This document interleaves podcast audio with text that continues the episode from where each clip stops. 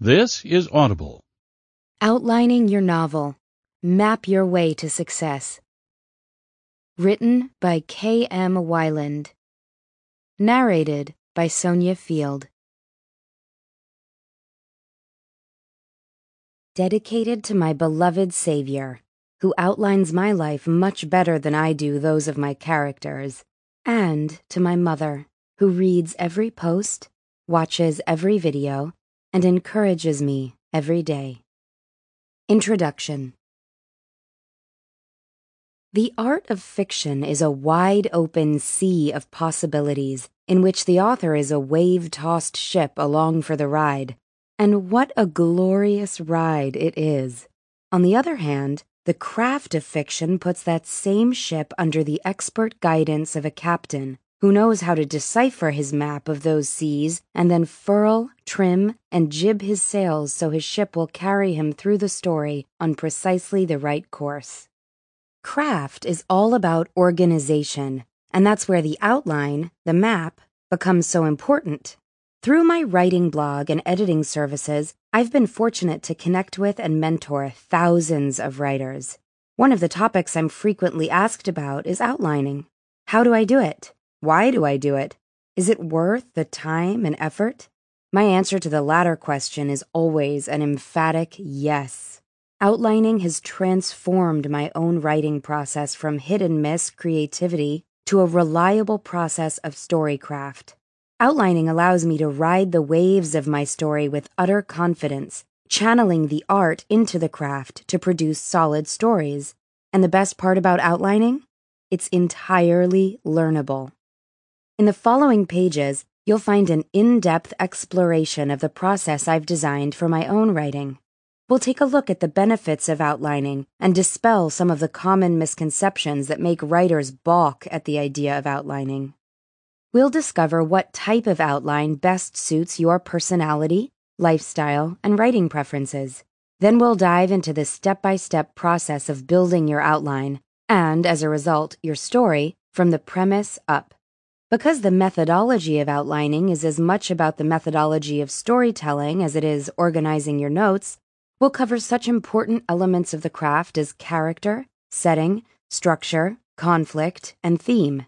You'll learn how to define the kind of story you want to write and how to identify and write to your specific audience. You'll also find bonus interviews with respected novelists and memoirists who offer invaluable insights into their outlining experiences. What you discover in the pages ahead may strengthen and expand the outlining methods you're already using, or it may transform your writing process altogether.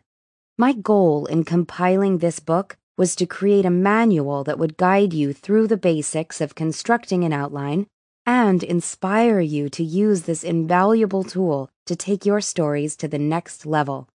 Happy writing. K. M. Weiland, October 2011. In preparing for battle, I have always found that plans are useless, but planning is indispensable. Dwight D. Eisenhower. Chapter 1 Should You Outline? Generally speaking, writers fall into two different categories outliners and non outliners, or as some writers prefer it, plotters and pantsers. I say categories, but armies might be a better word since these two camps of the writing world can often be found waging passionate war for their chosen methodology. Perhaps you've encountered or even participated in a conversation like the following exchange Ollie Outliner. I'm lost without my outline. Gotta have a roadmap so I know where I'm going. It makes the journey so much easier. How can anyone write a coherent story without some idea of what's supposed to happen? Think how much time you waste writing dead end scenes and meandering subplots. Polly Pantser. Where do you get the patience and the time to spend weeks or even months outlining a story? I'd go crazy if I had to wait that long to start writing. Besides, I lose all the sense of adventure if I know how the story is going to turn out before I start writing it. Without question, both sides present good arguments. But how do you know which is telling the truth? Hold on to your britches. Here comes the shocker. They both are.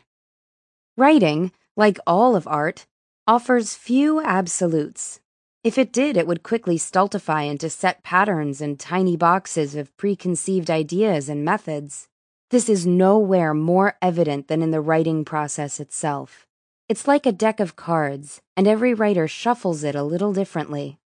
Just as our stories are, we hope, distinctive, so are our personalities and lifestyles, and, as a result, our working patterns. In pursuit of bettering our craft, we voraciously study the masters by reading every how to book and author interview we can get our hands on. But what we sometimes don't realize is even if a particular method or routine works for one author, that singular success doesn't make it a universal principle. In general, human beings like the protective solidity of rules. We like the assurance that if we write one page every day, five days a week, we'll finish a book in a year and be published in two. But life doesn't work that way. Writing a page a day may be the perfect routine for you and allow you to finish that book in a year, but the rigidity of such a schedule might also hold you back from your ultimate productivity. You might work much better if you allowed yourself more flexibility and less pressure. Each author must discover for himself what methods work best for him. Just because Margaret Atwood does X and Stephen King does Y is no reason to blindly follow suit.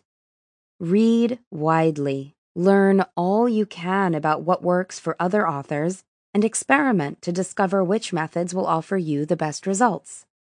My own writing routine is a continually evolving process. What worked for me five years ago isn't necessarily what works for me now, and what works for me now isn't necessarily going to work for me in another five years. With every story I write, I learn a little bit more about myself and what approaches make me most productive. I'm constantly refining my work habits always listening to my instincts and paying attention when I feel I'm forcing myself to observe a stricture that just isn't working. The individual writer is the only expert of his own proficiency. Never feel as if you have to force your writing habits to mirror someone else's, no matter how successful that person may be in his own right. Find what works for you and stick with it. This is particularly true when it comes to the choice between outlining and writing by the seat of your pants. Whether you're an Ollie or a Polly may depend largely on your personality. Simple fact some people just don't work well with outlines. They find outlines cramp their creativity by preventing the story from evolving as they write. Or they discover writing an outline scratches the creative itch to the extent they no longer have any interest in writing the book itself. But for every person who tries outlining and decides it's not for him, someone else dives in and discovers a process that transforms his writing into an efficient and organized writing machine. I'm one of those people. I had always kept brief notes on story ideas and reminders of the direction the plot should go, but not until I began my sixth novel, Behold the Dawn, did I give outlining an honest to goodness go. I spent three intensive months sketching ideas and organizing scenes. And the result? Not only did I produce the best story I'd written up to that point, I also experienced the easiest, most exhilarating writing journey of my life. That story flowed as no previous story ever had, and I credit its ease almost entirely to the months I spent outlining. After that, you would think I'd have learned my lesson. Do yourself a favor, kiddo. Outline. But no, I still had to learn the hard way. I decided to jump into my next book, Dreamlander, without outlining. I'd spent a year researching a project that hadn't turned out, and I was feeling mentally fatigued and in no mood to do anything but write. The last thing I wanted to do was outline, so I steered myself off road into the writing wilderness, sans roadmap. The farther I drove, the bumpier the ground became, and the more I began to realize that before I knew it, I'd be as lost as a moped driver at a Humvee convention. I made it all of 50 pages before admitting this story was going nowhere fast. Despite characters I loved and a premise full of potential, the book was a rambling, wandering, bloated mess. After an appropriate period of pouting and oh, the agonying about my plight as a writer, I finally gave in and started another outline. Two and a half months later, I emerged with a plan of action that organized those problematic first 50 pages and offered me a clearly defined road to my destination of the end. Never say never, but after that experience, I will never begin another story without outlining. Making major adjustments in a finished manuscript of 100,000 plus words is far more painful than in a few dozen pages of outline notes. Mostly, I outline because I'm lazy. I hate rewriting. I hate watching my burst of pride and relief at the end of a novel dissipate in the realization of a hole riddled plot. I'd much rather know where I'm going from the beginning, rather than force my foreshadowing and plot twists into the text somewhere in my second draft.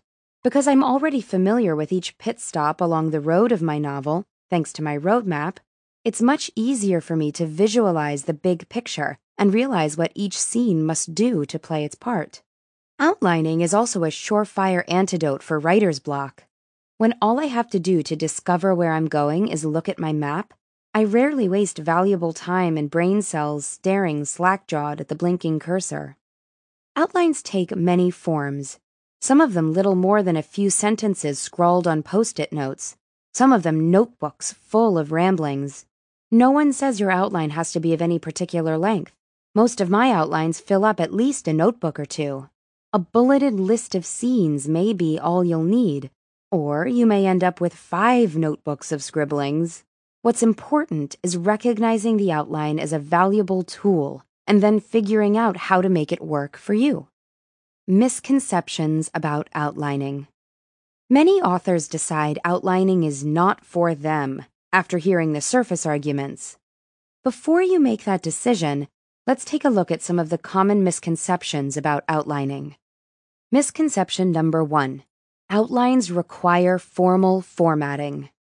Much of the avoidance of outlining comes down to nightmarish memories of the outlines we had to learn in high school. You know the type Roman numerals, graduated indents, and perfectly parsed grammar. Just looking at one is enough to kill your creativity. Roman numeral 1. The Galactic Empire attempts to squelch the Rebel Alliance. 1. Big spaceship goes after little spaceship. A. Big spaceship catches little spaceship. Lowercase Roman numeral 1. Bad guy boards little spaceship. Bad guy breathes heavily. That's just a whole barrel of fun, isn't it?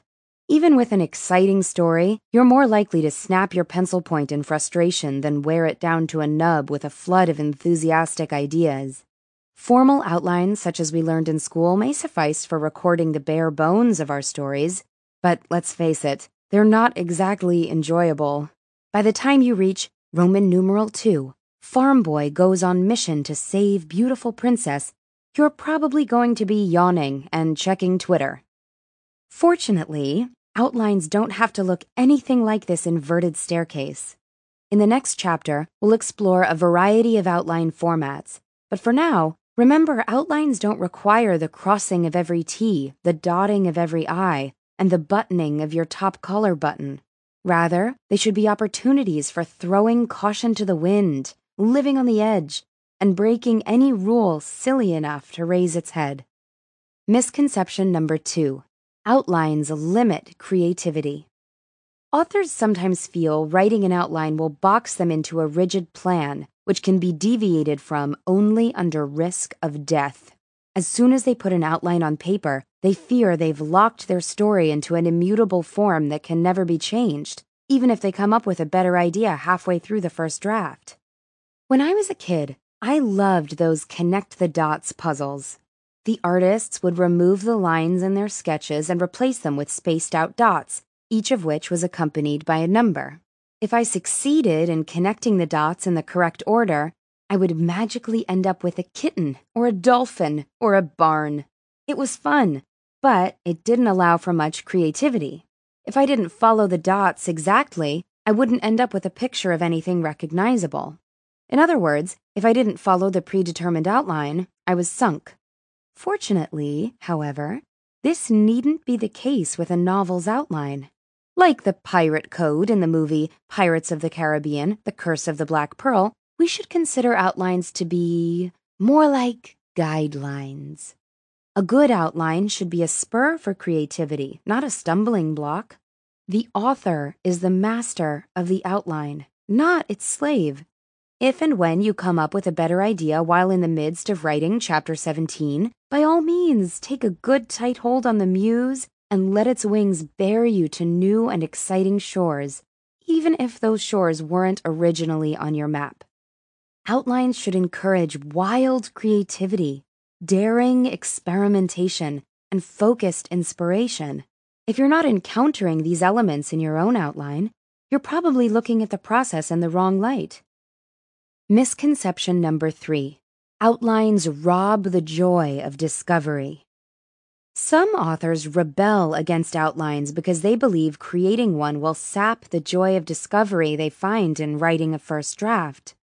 It's true that for all the benefits outlining offers, it also requires a few sacrifices. The opportunity to write a first draft full of unexpected discoveries is one of those sacrifices. But it's not as black as it sounds. You're not losing the opportunity for unexpected discoveries, not at all. What you're doing is moving those discoveries from the first draft to the outline. All the fun's still there, it just occupies a different place in your timeline. Thriller author and Edgar nominee Raymond Benson explains I figure out all the hard plot details in the outline, so you might say I really write the book when I do the outline. In many ways, an extensive outline is a first draft. The only difference is the outliner's process takes maybe a quarter of the time. The outline, like the first draft, is the mistake draft, the dry erase board where we unveil our ideas and see how they line up on the page. Outliners and pantsers alike go through this process. Instead of stealing creative joy, the outline expands an author's opportunities for exploring his story he gets to experience the original act of creation in the outlining process, during which he comes up with the raw story idea, sorts out implausibilities, and fills in plot holes. In essence, he's constructing the skeleton of his story. When he later begins the first draft, he isn't retreading old ground. Instead, he's digging deeper into his understanding of his story by fleshing out the skeleton adding the new material that will become the inner organs, skin, hair, muscles, and cartilage. Using the outline to figure out the technicalities of your plot gives you the freedom to explore your characters, settings, and themes in intimate detail in your first draft. Prolific fantasy author Jeff Vandermeer explains Yes, I knew what I was going to write about in a chapter ahead of time, so there was less process of discovery in terms of what was going to happen. However, I found I could give more thought to how and why things happened because I already had this outline in place. On some level, I focused more on each scene and how the scenes fit together. I find that there's relief and a great calming effect in knowing that I can extrapolate ahead of time on the macro level, fill in a certain level of detail, and still find the writing and the actual scene writing vibrant and exciting. Studies have proven most people are noticeably stronger in one hemisphere of the brain or the other, mostly due to their tendency to exercise one side more often. The left brain is analytical and logical, allowing us to plot our stories in a linear timeline and make rational decisions about our characters and their motives. The right side of our brains is where all the juicy creativity and raw inspiration takes place. The left brain thinks in facts, the right brain thinks in images and feelings.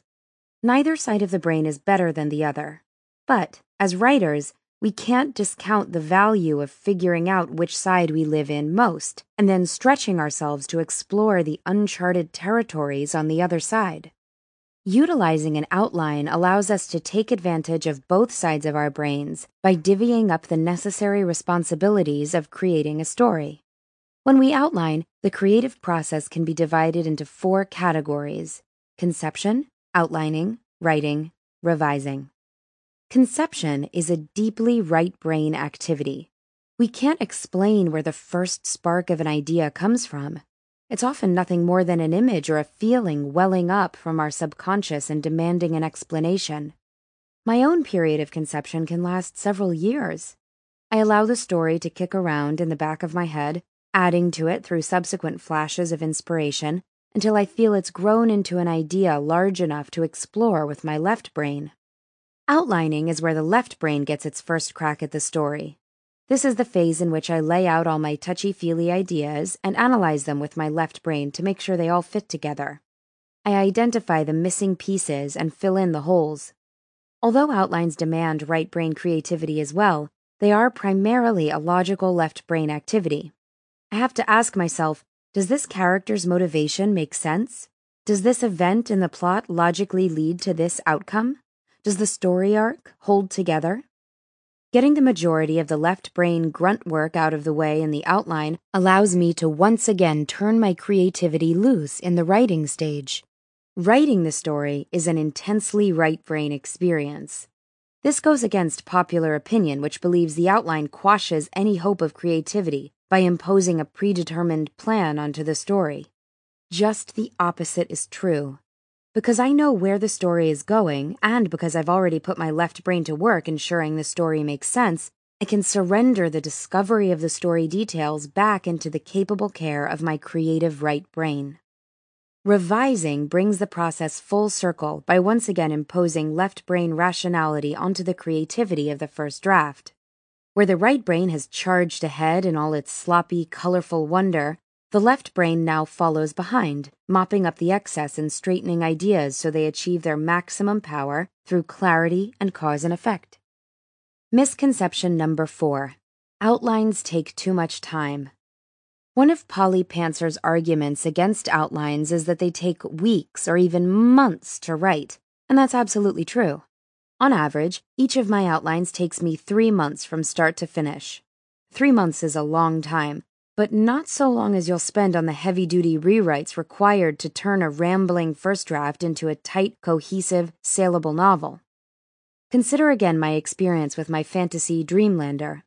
Before writing my outline, I spent eight months writing 50 pages. That page count totals out at just over six pages a month. That's a page and a half a week and less than a third of a page a day. That's pitiful. It was also torturous.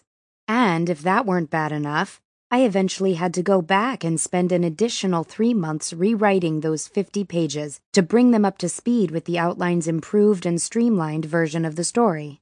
I ended up spending nearly a year on a process that would probably have required only a few months had I taken the time to outline in the beginning.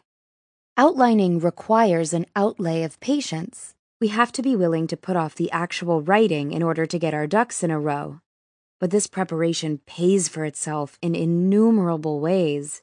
A mountain climber would never consider tackling Mount Everest without investing serious preparation time in planning his route, organizing his group, collecting and double checking his gear, and training his body. Authors who dash off to write a 100,000 word novel are just as likely as hasty climbers to get themselves in trouble in the long run. Preparation takes time and effort, but it's always worth it in the end. Benefits of outlining. So, just what do you get when you decide to invest your time in outlining? To begin with, outlining offers all of the following benefits ensures balance and cohesion. In an outline, you can see at a glance if the inciting event takes place too late in the story, if the middle sags, or if the climax doesn't resonate. Instead of having to diagnose and remedy these problems after the first draft, you can fix problems in the outline in only a few keystrokes. Prevents dead end ideas. How many times have you started writing an exciting new plot twist only to realize, 5,000 words later, that it's led you to a cul de sac? You either have to spend valuable time backtracking and trying to write your way around the roadblock, or you have to cut the subplot altogether and start afresh. Outlines allow you to follow plot twists and subplots to their logical end, or lack thereof, in much less time. You can identify the dead end ideas and cull them before they become annoying and embarrassing plot holes. Provides foreshadowing. It's nearly impossible for an author to foreshadow an event of which he has no idea. As a pantser, when a startling plot twist occurs late in the book, you'll have to go back and sew your foreshadowing into earlier scenes Not only is this extra work, it can often be difficult to make the new hints of what's yet to come flow effortlessly with your already constructed scenes. Because an outline gives you inside knowledge about what's going to happen in subsequent scenes, it provides you the opportunity to plant some organic foreshadowing. Smooths pacing. Like foreshadowing, pacing often requires inside knowledge. If the author doesn't know the protagonist is about to be shot in the back, he can hardly adjust the pacing to introduce this shocking new event in the right manner. An outline shows you the places where your story is running too fast and the places where it is lagging and sagging. Indicates preferable POVs. When working with multiple points of view, it can often be challenging to know which scene should be written from which POV. Too often, we write a scene from one character's POV only to realize a different character's narrative perspective would probably have offered a better experience for the reader. As a result, we're forced to go back and rewrite the entire scene. Outlines allow us to make educated decisions about POV thanks to insights regarding plot and character. Just as importantly, outlines permit us to look at the balance of our POVs over the course of the entire novel so we can ensure each character is getting an appropriate amount of time at the mic maintains consistent character voice. When writing without an outline, we're often discovering the characters right along with the readers, and because our perception and understanding of our characters often evolve over the course of the story, the result can be an uneven presentation of the character's voice. Outlining, particularly if your outlining process includes the character sketches described in Chapter 7, will help you discover your character and his voice before you begin portraying him in your narrative. Offers motivation and assurance. Writing a novel can be overwhelming. Typing thousands of words is an undertaking in itself, but when those words all have to hang together in a way that is sensible, entertaining, and resonant, that's enough to make our knees start shaking beneath our desks. Outlines give us the assurance that we can craft a complete story because, after all, there it is right in front of us on paper. We've already written the complete story. All we have to do now is fill in the blanks. And because those blanks are ones that fascinate us, outlines also motivate us to keep on writing through the tough spots so we can get to the good stuff. Chapter 1 Checklist Reject any misconceptions about outlining. Embrace the benefits of outlining. Open your mind to refining your writing process. Have fun. Asking the authors Becky Levine. Bio The author of the Writing and Critique Group Survival Guide from Writer's Digest, Becky Levine provides critique services to other writers.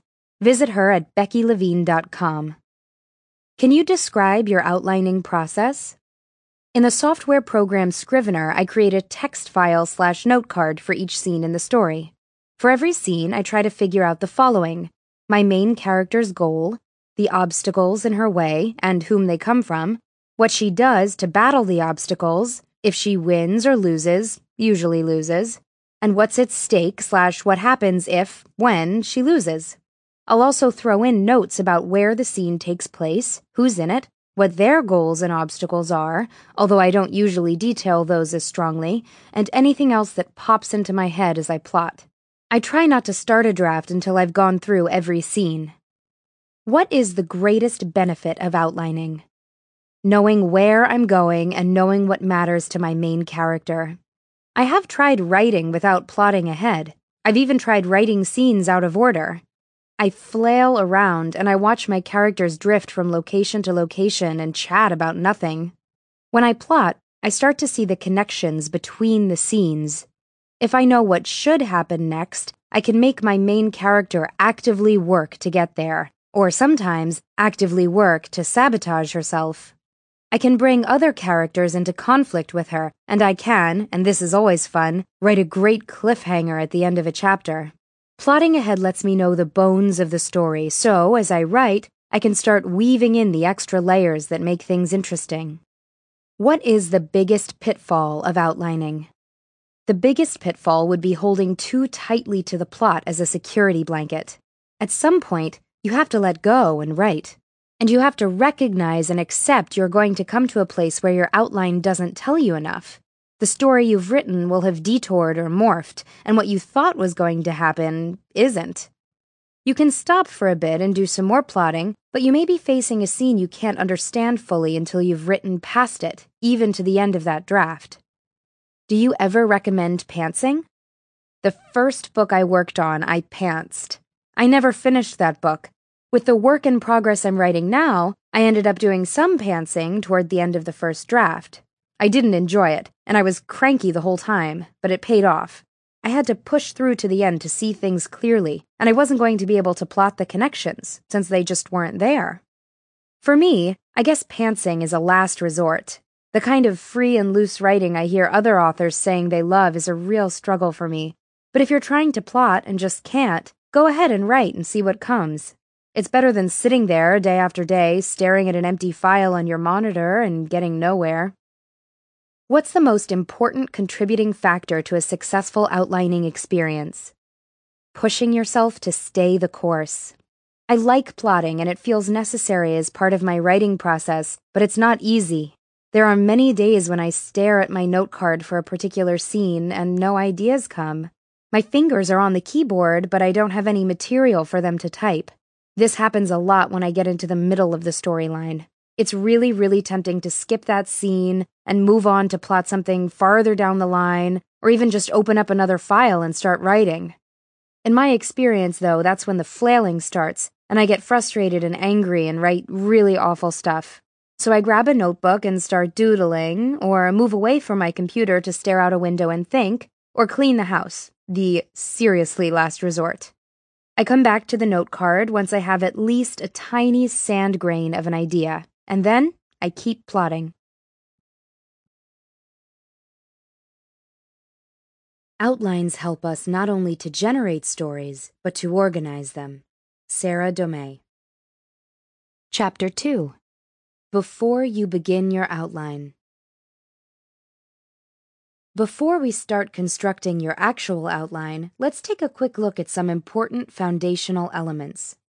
The outlining method described in the following chapters is the in depth method I use in creating my own novels.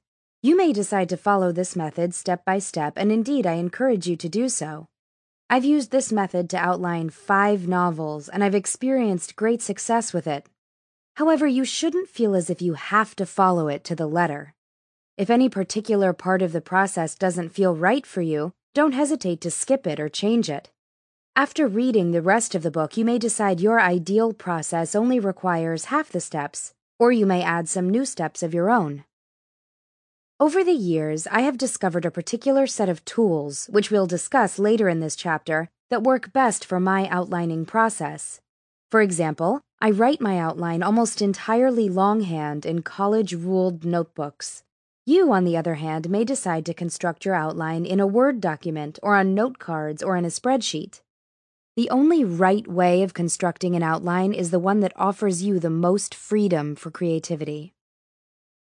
In this book, I will be presenting the methods and tools that have allowed me that freedom, but I encourage you to use what you learn about my process as a launch pad for your own experiments in creative outlining. Choosing the best outlining method for you. How do you decide which outlining method is best for you?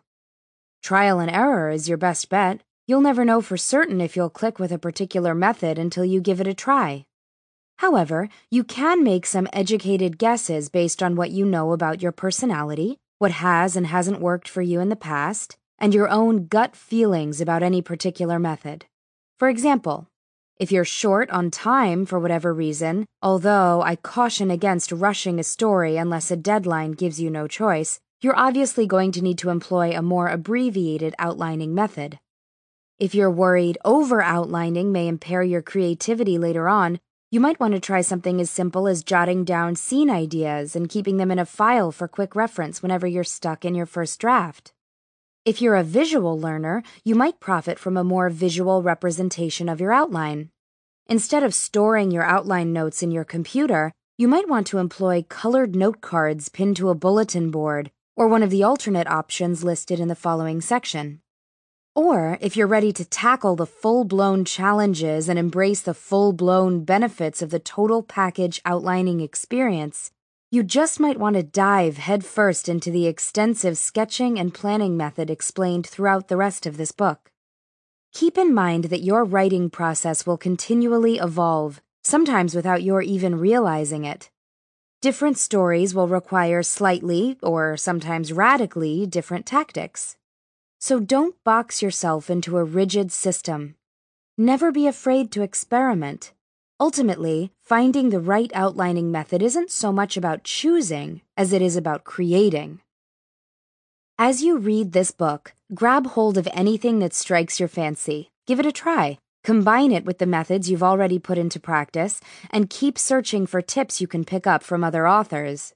If you're continually striving to learn about the outlining environment that allows you to work most efficiently, You'll be able to refine your writing in ways that reach far beyond the craft itself.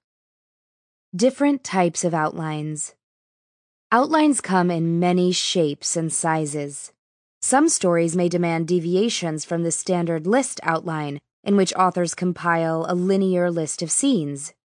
Linearity is often the best way to make sense of convoluted problems, and the novel is often a very convoluted problem but sometimes it's worthwhile to use less common forms of outlining as a way of looking at a problem from a new perspective. Following are several unique types of outlines to keep in mind, in addition to the more standard process explained in later chapters. Mind map. Mind maps are particularly valuable in looking at problems spatially instead of linearly. By writing the central theme or event at the center of your paper and surrounding it with clusters of related subjects, and those subjects with related subjects of their own, you can create an exhaustive list of possibilities for your story. Don't censor yourself. Write down any related topic that presents itself, and who knows what you may come up with. This method is particularly useful in breaking through blocks, since it taps both your subconscious and your visual mind. Pictorial outline. If you're a visual learner, you may find it useful to create folders of pictures related to your story. Cast your characters, scout likely settings, and collect pertinent props. By associating pictures with particular scenes, you not only give yourself extra details with which to flesh out the scene, you can also help yourself spot plot holes or inconsistencies. I began keeping a folder of story related pictures while writing Dreamlander, and this practice has rapidly become one of the most useful, not to mention fun, tools in my repertoire. When stuck on scenes, I will often surf the internet for related pictures. More often than not, when I find a picture, I find my missing puzzle piece. Map. Fantasy authors have long been known for their penchant for drawing elaborate maps of their story worlds. Often, these maps are strictly utilitarian in that they allow writers to keep track of the various geographical features of our worlds. However, a little amateur cartography can be an integral part of world building, even for stories grounded firmly in reality. Because a good setting is necessarily inherent to the structure of the story itself, a map can become a valuable asset in fleshing out your story. Best selling speculative author and multiple Hugo and Nebula Award winner Orson Scott Card explained that drawing maps helped him refine his fantasy Hart's Hope in its embryonic stages. In a sketch of a walled city, he accidentally drew a gate with no entrance.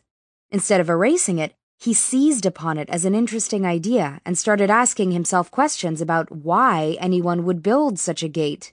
He explained, all you have to do is think of a reason why the mistake isn't a mistake at all, and you might have something fresh and wonderful. Fortunately, artistic talent isn't a requirement for an author's maps. Straight lines to indicate borders, wavy lines for oceans, and spiky triangles for mountains work just fine. When it's necessary, for whatever reason, to share my maps with my beta readers, I often recreate my intelligible only to me chicken scratchings in Photoshop for a slightly more comprehensible presentation. Perfect review. As authors, we're never going to be completely objective about our stories. We're too emotionally involved, too attached to our characters, too excited about our plot twists, too tickled by our snarky dialogue so much so that we can lose sight of the big picture. Often, when we begin writing a story, our ideas are hazy, and the final shape of the story is only a dim outline in the mist. The story we put on the page will never be a perfect representation of the story in our imagination, so it's little wonder we aren't always aware of where our stories fall short. But here's a little trick to narrow the gap between your idealization of your story and its printed reality. Write yourself the perfect review before your story ever hits paper. If you could have a professional reviewer read your idealized concept of your finished book and totally get it, completely understand everything you're trying to say with your characters, plot, dialogue, and themes, what would he write about your story? Close your eyes for a moment, emotionally distance yourself from your story, and pretend you're that reviewer. Keep the following suggestions in mind in order to plumb the review for as much depth as possible. Be specific. Don't just let the reviewer say he loved the story, make him tell you why he loved it. What parts are the best? What makes this piece really shine? Be thorough. Cover every aspect of story you can think of plot, including arc, pacing, and originality, characters, including personalities, arc, and development, dialogue, themes, and climax. Be extravagant. Praise your story to the skies. Layer on the adjectives of adulation.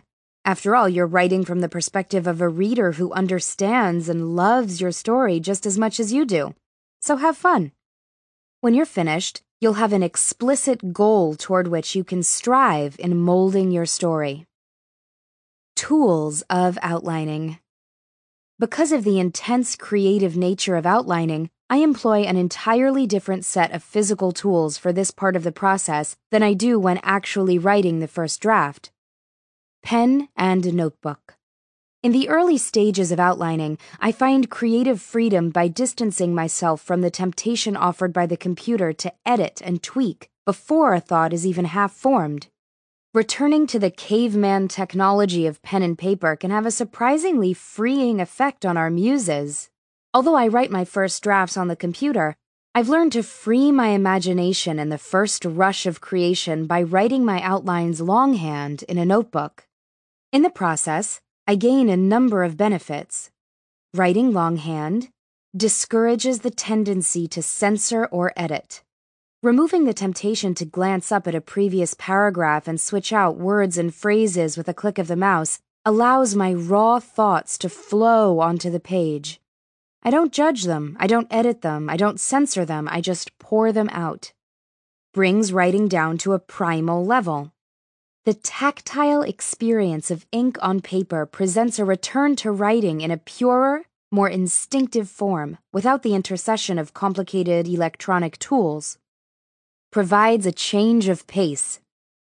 When we're stumped by a tough story problem or even general burnout, changing our location and our methods can sometimes be just the trick for jump-starting our creativity. Freeze imagination by allowing sloppiness. Something about the near illegibility of my handwriting seems to break down my need for perfection. Instead of toiling over word choice, I'm able to dash down my thoughts as quickly as they come to me.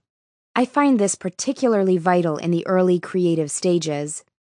Frees us from distractions. Pen and paper physically remove us from the computer and all its distractions, including the siren song of the internet. Allows a critical editing during transcription. The necessity of transcribing our notes onto the computer allows us the opportunity to apply a critical eye to what we've written once the first rush of creativity is past. Gives us an instant hard copy. Unless your house burns down, your handwritten hard copies aren't likely to randomly self destruct as computer files are known to do. Even if you lose your notes after you've typed them, you'll always have a hard copy as backup. I love my technology. I love typing. I love the clean look of my Times New Roman letters appearing on the virginal white of my screen. Sometimes I even love that taunting blink of the cursor. But writing longhand is an invaluable technique that my outlining would suffer without. Personally, I prefer college ruled notebooks, both because their tighter lines allow more information to be crammed into the pages, and also because the confines keep my handwriting from sprawling too decadently. I use a pen instead of a pencil to further discourage myself from censoring or erasing my thoughts. With a fine tipped marker, I write the year, the book's title, and the volume number of the notebook, since I inevitably fill more than one, on the cover. yWriter software. In years past, I used Microsoft Word to transcribe my outline notes and create my abbreviated outline. But then I was fortunate enough to discover yWriter. Author and programmer Simon Haynes encountered the same needs I saw in my own writing life and was able to use his programming expertise to put together one humdinger of a program. yWriter is the quintessential organizer for writers. It allows you to see your scenes, chapters, characters, and settings, among other things, all at a glance. You can keep track of such details as the date and time span of scenes, which characters are present in which scenes, which scenes take place in which locations, and which important props show up where. Plus, you can include inspirational pictures and create a nifty storyboard showing the layout of scenes according to character POV. Although designed as a word processor, yWriter works best for organizing my mountains of eventually undecipherable scrawl into a neat, easily accessible outline. And the great part about yWriter? It's free for the downloading from spacejock.com. yWriter is user-friendly and self-explanatory for the most part, but you can find a detailed video tutorial at helpingwritersbecomeauthors.com backslash resources backslash yWriter. Calendar. I collect old calendars and use them to map my story's timeline. Surprisingly enough, the timeline is an oft overlooked facet of outlining. I overlooked it myself for years until I read about suspense author Simon Wood's misadventure. Nothing is worse than discovering you've written about a nine day week. I'm talking from personal experience. When caught up in the grand whirl of plotting tragedies and travesties galore, we can easily get carried away and lose track of the time in more ways than one. I remember when writing my historical western, A Man Called Outlaw, which features a dual timeline, leaning back in my chair on numerous occasions and counting on my fingers, trying to remember on which day of the week a certain event was supposed to have taken place. It could get frustrating, to say the least.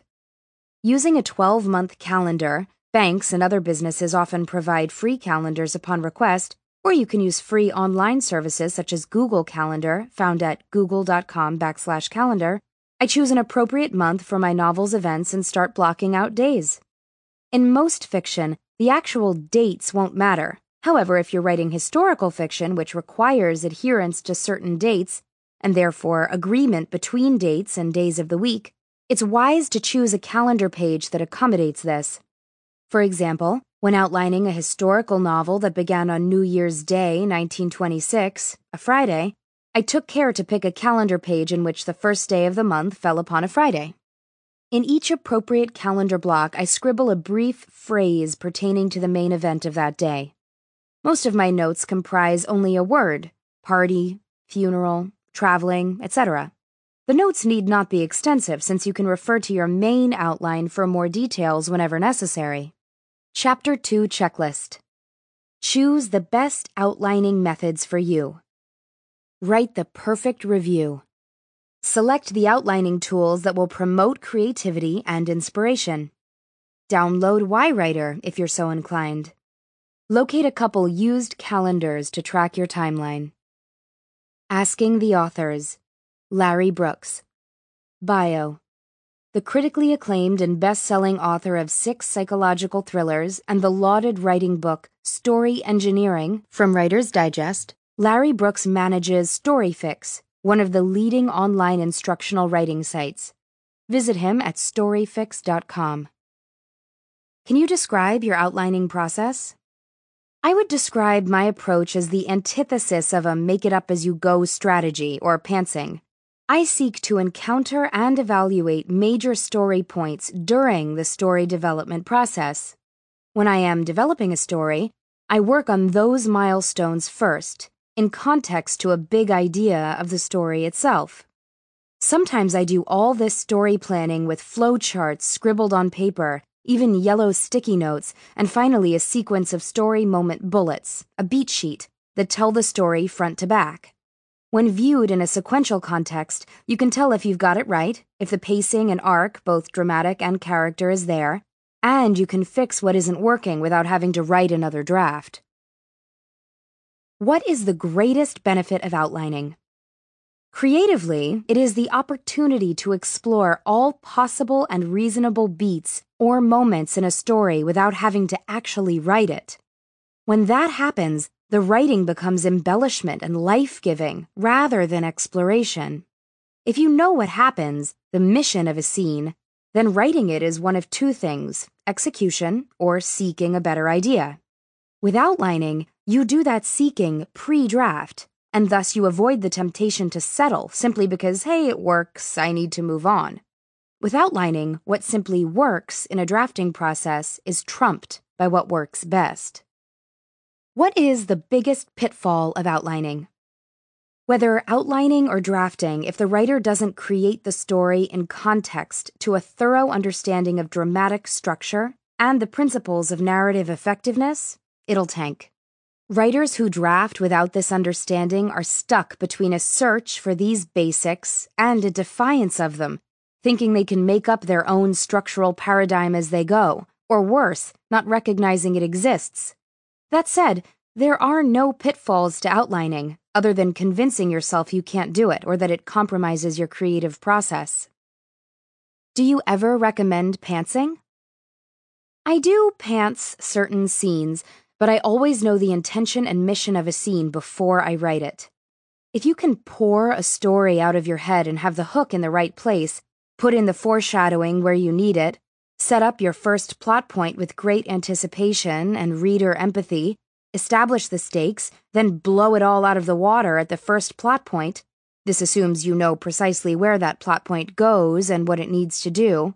If you can do all that organically, because you are a prodigy or a genius or you've been doing this for decades and finally have the hang of it, then go ahead and pants. Otherwise, you're in for multiple drafts and you're open to settling because, in not knowing this stuff, you won't recognize it when you stumble upon it. It's all simply a search for story. You can get there planning, outlining, and you can get there pantsing, it's just that the former is quicker and more effective, not to mention orders of magnitude more efficient. What's the most important contributing factor to a successful outlining experience? A solid grasp of the fundamentals, what I call the six core competencies of successful storytelling. One of them is story structure, and this alone is the great liberator, the empowerer of successful authors. But you need all six concept, character, theme, structure, scene execution, and writing voice to get into the hunt. Once you can deliver a story at this level, the bar goes up even higher because now you need one of your six core competencies to be astoundingly good in order to stand out among a huge crowd of other writers who understand the same dramatic physics you now understand. Your premise is your inspiration. It's the light bulb moment when you say, now that would make a terrific story. John Truby. Chapter 3 Crafting Your Premise. By the time I sit down to begin outlining a story, it's usually been chasing around in my head for at least a year or two. I almost always have ideas for several main characters, a handful of scenes, a general conflict, and a broad sense of the ending. My first goal is to hammer all this down into a premise, a single sentence that conveys the plot and the theme. Do you know what kind of story you're writing? The premise is where you discover and solidify these decisions. I know this sounds basic, but be able to create a mission statement along the lines of I'm writing a relatively fast paced action adventure story with a subplot involving espionage and a tragic love relationship. You may vary from that description, but being able to, on the macro level, tell yourself what it is you're trying to do is very useful. Your premise may actually change several times throughout the outlining process, but to begin with, it will help you focus your thoughts. Your goal is to create a sentence that conveys the characters, setting, and central conflict, first generally, as in the example in the paragraph above, and then in the most specific way possible. That's asking a lot of a single sentence, but being able to focus your story into such a compact package will help you stay on track throughout your outline and first draft. The what if question. All stories begin with a premise a battle in space, two people falling in love, a dog getting lost. And most premises begin with a what if question. What if a little boy's brain grew too quickly for his body to keep up? Ender's Shadow by Orson Scott Card. What if an orphan were given a fortune by an unknown benefactor? Great Expectations by Charles Dickens. What if our dreams were actually taking place? My own Dreamlander. Every writer is familiar with the power of the what if question. Even when the question isn't articulated, every novel, every story, and every article is ultimately inspired by those words. Many of us, however, fail to tap the question's full potential simply because we don't make a conscious effort to answer it.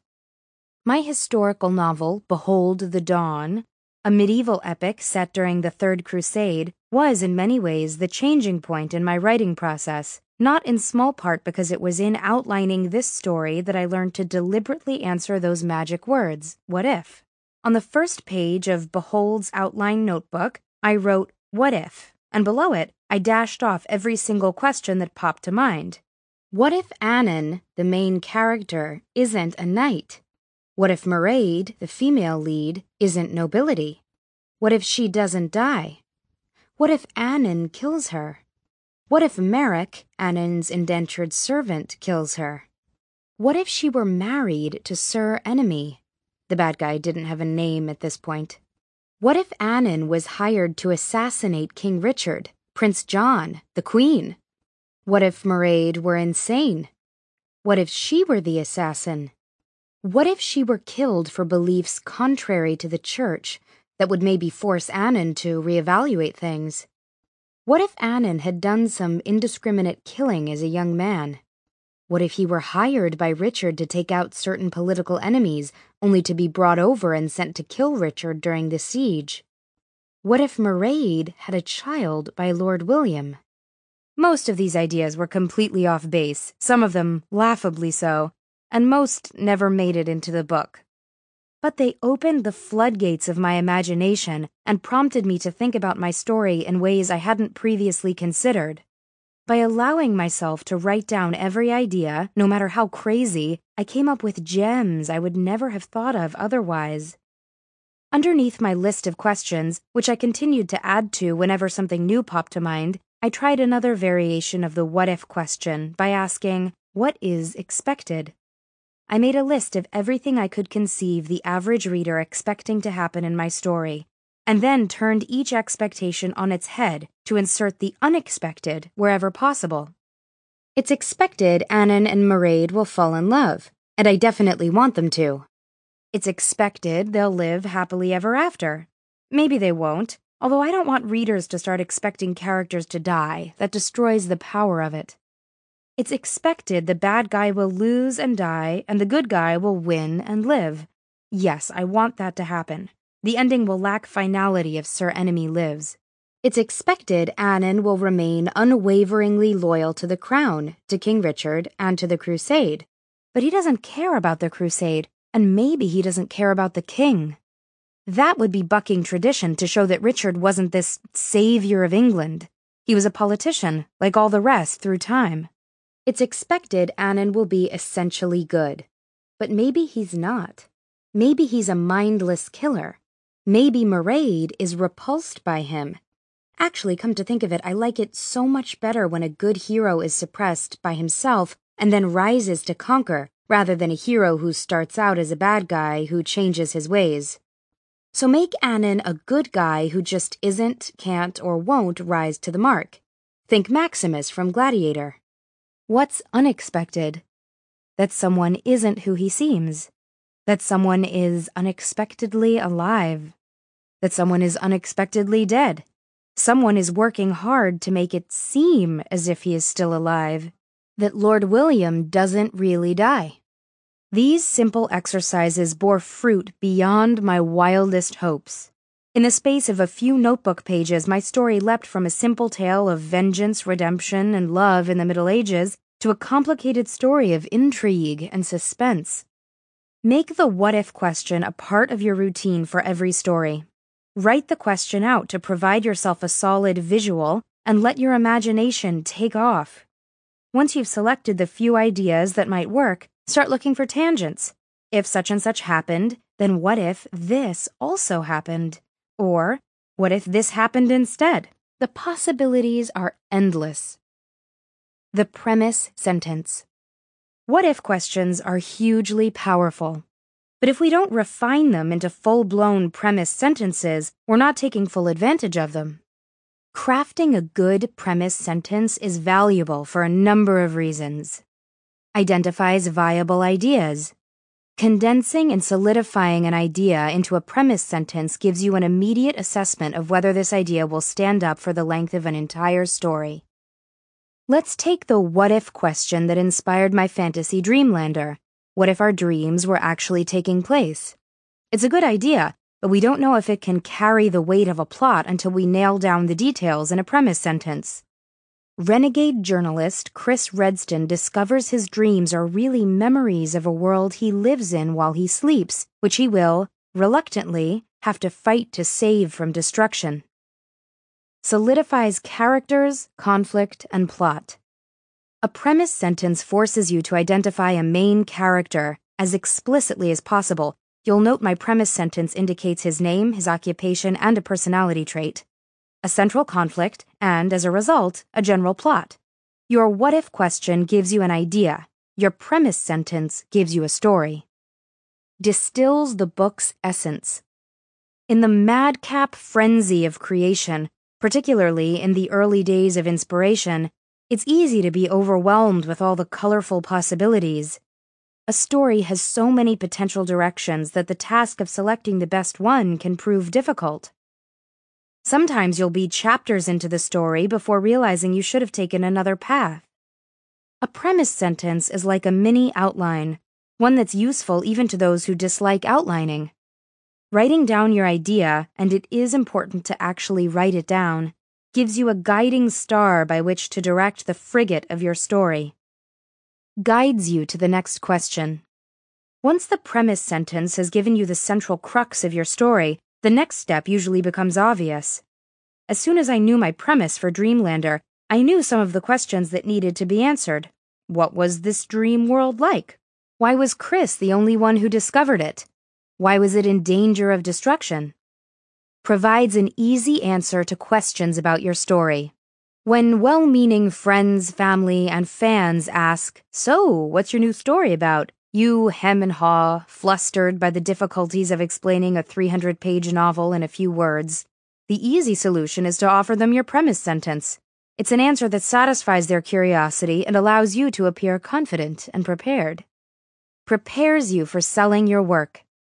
Finally, creating a premise sentence early in your writing process prepares you for pitching your work to agents, who inevitably require a concise, gripping description of your story. If you start now, you can polish it to perfection by the time you're ready to start shopping your book. Pre outline questions. How many times have you been thrilled by a book's amazing plot idea, only to be disappointed because the author never took full advantage of the idea's capabilities? It's relatively easy to come up with a plot idea, set the characters in motion, and then watch hopelessly, or sometimes obliviously, as the story meanders away from the original premise idea. Inevitably, new and improved ideas will present themselves to you as you dig deeper into your outline, your first draft, and your multiple edits. But if you can grab some of the best ideas while your story is still nothing but a premise, you can save yourself the work of having to revamp the story in time intensive ways later on. Stop for a moment at this stage and ask yourself if you've taken full advantage of the possibilities offered by your premise. Your premise is the foundation for every other facet of your story character, setting, theme, plot.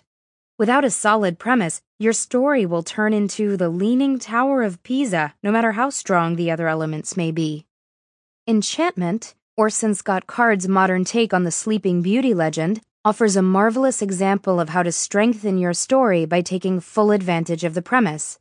Card's story dumps a young man from modern America into a 9th century Russia, rife with interesting story possibilities and all kinds of conflict.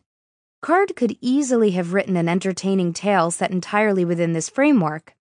But because he understood his premise of magical time travel supported more, he masterfully upped the ante and turned the tables on characters and readers alike by sending the hero and his Russian princess back to the modern world halfway through the book. Because Card realized his premise could handle so much more than just the obvious first step of sending the hero to Russia and letting him fight his way through an antagonistic medieval society, Card offered a story that literally gave us the best of both worlds. Take a long, hard look at your premise. Are you milking it for everything it's worth? Don't settle for the obvious or easy answers. If you have a brilliant premise, don't let a drop of that potential go to waste. For example, Card might have asked himself, if the magic time travel bridge can take my hero to the ninth century, why can't it also take the Russian princess back to modern America? The purpose of these questions is to force yourself to think outside the box. Very few story ideas are entirely original. Sleeping Beauty spin offs have been done before. Enchantment could easily have fallen into familiar patterns, but because Card forced himself to think outside the box, his story offered a new slant on a familiar premise. In addition to questions specific to your premise, ask some general questions. What are four or five big moments that will occur in the plot? Can you think of at least two complications for each of these moments? Will these complications push your characters in ways that make them uncomfortable? What additional settings will these complications demand? Which character will be the protagonist? Which character will be affected most by the inciting event? Does this character have at least two major problems or anxieties in his life? Which offers the most potential for conflict and drama? How does this problem affect other characters? None of these questions has a right answer. Keep evaluating your responses, looking for those that offer meaty possibilities until you feel you've exhausted the angles for the time being. Take note, though, this isn't the end of your creating. This is just the beginning. A well thought out novel does not include knowing in advance every line of dialogue, every scene, every exciting turning point. How to brainstorm. Some methods of brainstorming are more likely than others to put us in the way of viable ideas. Mind maps and what if questions, as well as writing prompts and free writing, are all valuable methods because they all have one thing in common they allow us to move past the critical analytical side of our brains and get in touch with the dream zone in the back. This kind of brainstorming is what Robert Olen Butler refers to as dream storming. Our work and our lives would be pretty useless without the logical sides of our brains. Our writing would be a frenetic wash of color and emotion, indistinguishable to anyone but ourselves. We need the logical side of our brains to help us organize our thoughts into coherency. But the power of art is usually the result of the right side of our brains, the unconscious side. How do we keep our conscious brain out of the way long enough to tap into our unconscious creativity? Make time to dream. Quietude can be difficult to find in the midst of our hectic lives, but even just a few minutes of daydreaming every day can reap significant results. Don't censor yourself. Creativity is a delicate and temperamental flower that often wilts under the weight of the rules or the hot carping breath of our infernal internal editors. Not everything that bubbles up from the depths of your unconscious creativity will have worth, but give yourself time to get it on paper and let it rest before judging it. Tell your left brain to zip it for a while. Your left brain can be a pushy character. When he's telling you he thinks he knows best how to write this story, tell him to stow it for a bit so his chatter doesn't distract you from the offerings of your right brain. Your left brain will get his chance later. Focus on the senses. Our subconscious works on a level deeper than words. It feeds our brain with images, sounds, smells, tastes, and feelings, which our conscious brains then translate into words. Nothing wrong with those words, they're the tools of our trade, after all, but give a try to focusing on the raw sensations. Close your eyes and visualize the scene you're writing. What colors stand out? What can you smell? What does your body feel like? This is the best way I know to find those all important telling details that bring a scene to life. Listen to your gut instinct. Ever get that itchy feeling that something is wrong with a story? You're cruising right along, having a good old time with your characters, but something just doesn't feel right. I've learned to trust my gut instinct. I can't think of an instance in which it has ever failed me. The only trick is learning to interpret what it's saying. Most authors would be the first to admit the best of their writing is beyond even them. It comes from some place outside the conscious realm. Once we recognize and accept that fact, we are then able to take advantage of the tremendous opportunity of harnessing our unconscious minds. The two sides of our creativity, the conscious and the unconscious, working in harmony, the one pulsing and pounding ahead, the other slowing and refining, are capable of fantastic things. Chapter 3 Checklist Write down your story's primary what if question. Craft your premise sentence to identify your story's central idea, solidify your character's conflict and plot, distill the book's focus romance, mystery, historical, etc. Answer the appropriate pre outline questions to make sure you're considering all the options your premise offers. Asking the authors Elizabeth Spann Craig. Bio the author of three cozy mystery novels, Elizabeth Spann Craig hosts the blog Mystery Writing is Murder, twice listed as one of Writer's Digest's 101 best websites for writers. Visit her at mysterywritingismurder.blogspot.com. Can you describe your outlining process? I usually prefer writing a book without using an outline, but currently I have an editor who requires an outline before I start work on the first draft so outlining is something I've learned to adapt to. First, I come up with a quick summary of the book I plan on writing, almost like back cover copy. That gives me a focal point for the book.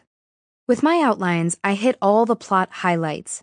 I'll introduce the main characters as they come on stage, introduce the suspects through their interactions with the intended victim, then continue on to the discovery of the first body and the investigation following the discovery, questioning each suspect. Then there's a second body discovered, and the investigation commences again before the sleuth solves the case and confronts the killer. My goal for the outline is simply for my editor to see the bones of my book, and for her to hopefully say, This sounds like a good story. Basically, I'm just treating the outline as if someone were asking me, And then what happened? I'm hitting the book's main events and not going into a lot of detail, but enough to explain character motivation, show some character growth, and touch on any important subplots. What is the greatest benefit of outlining?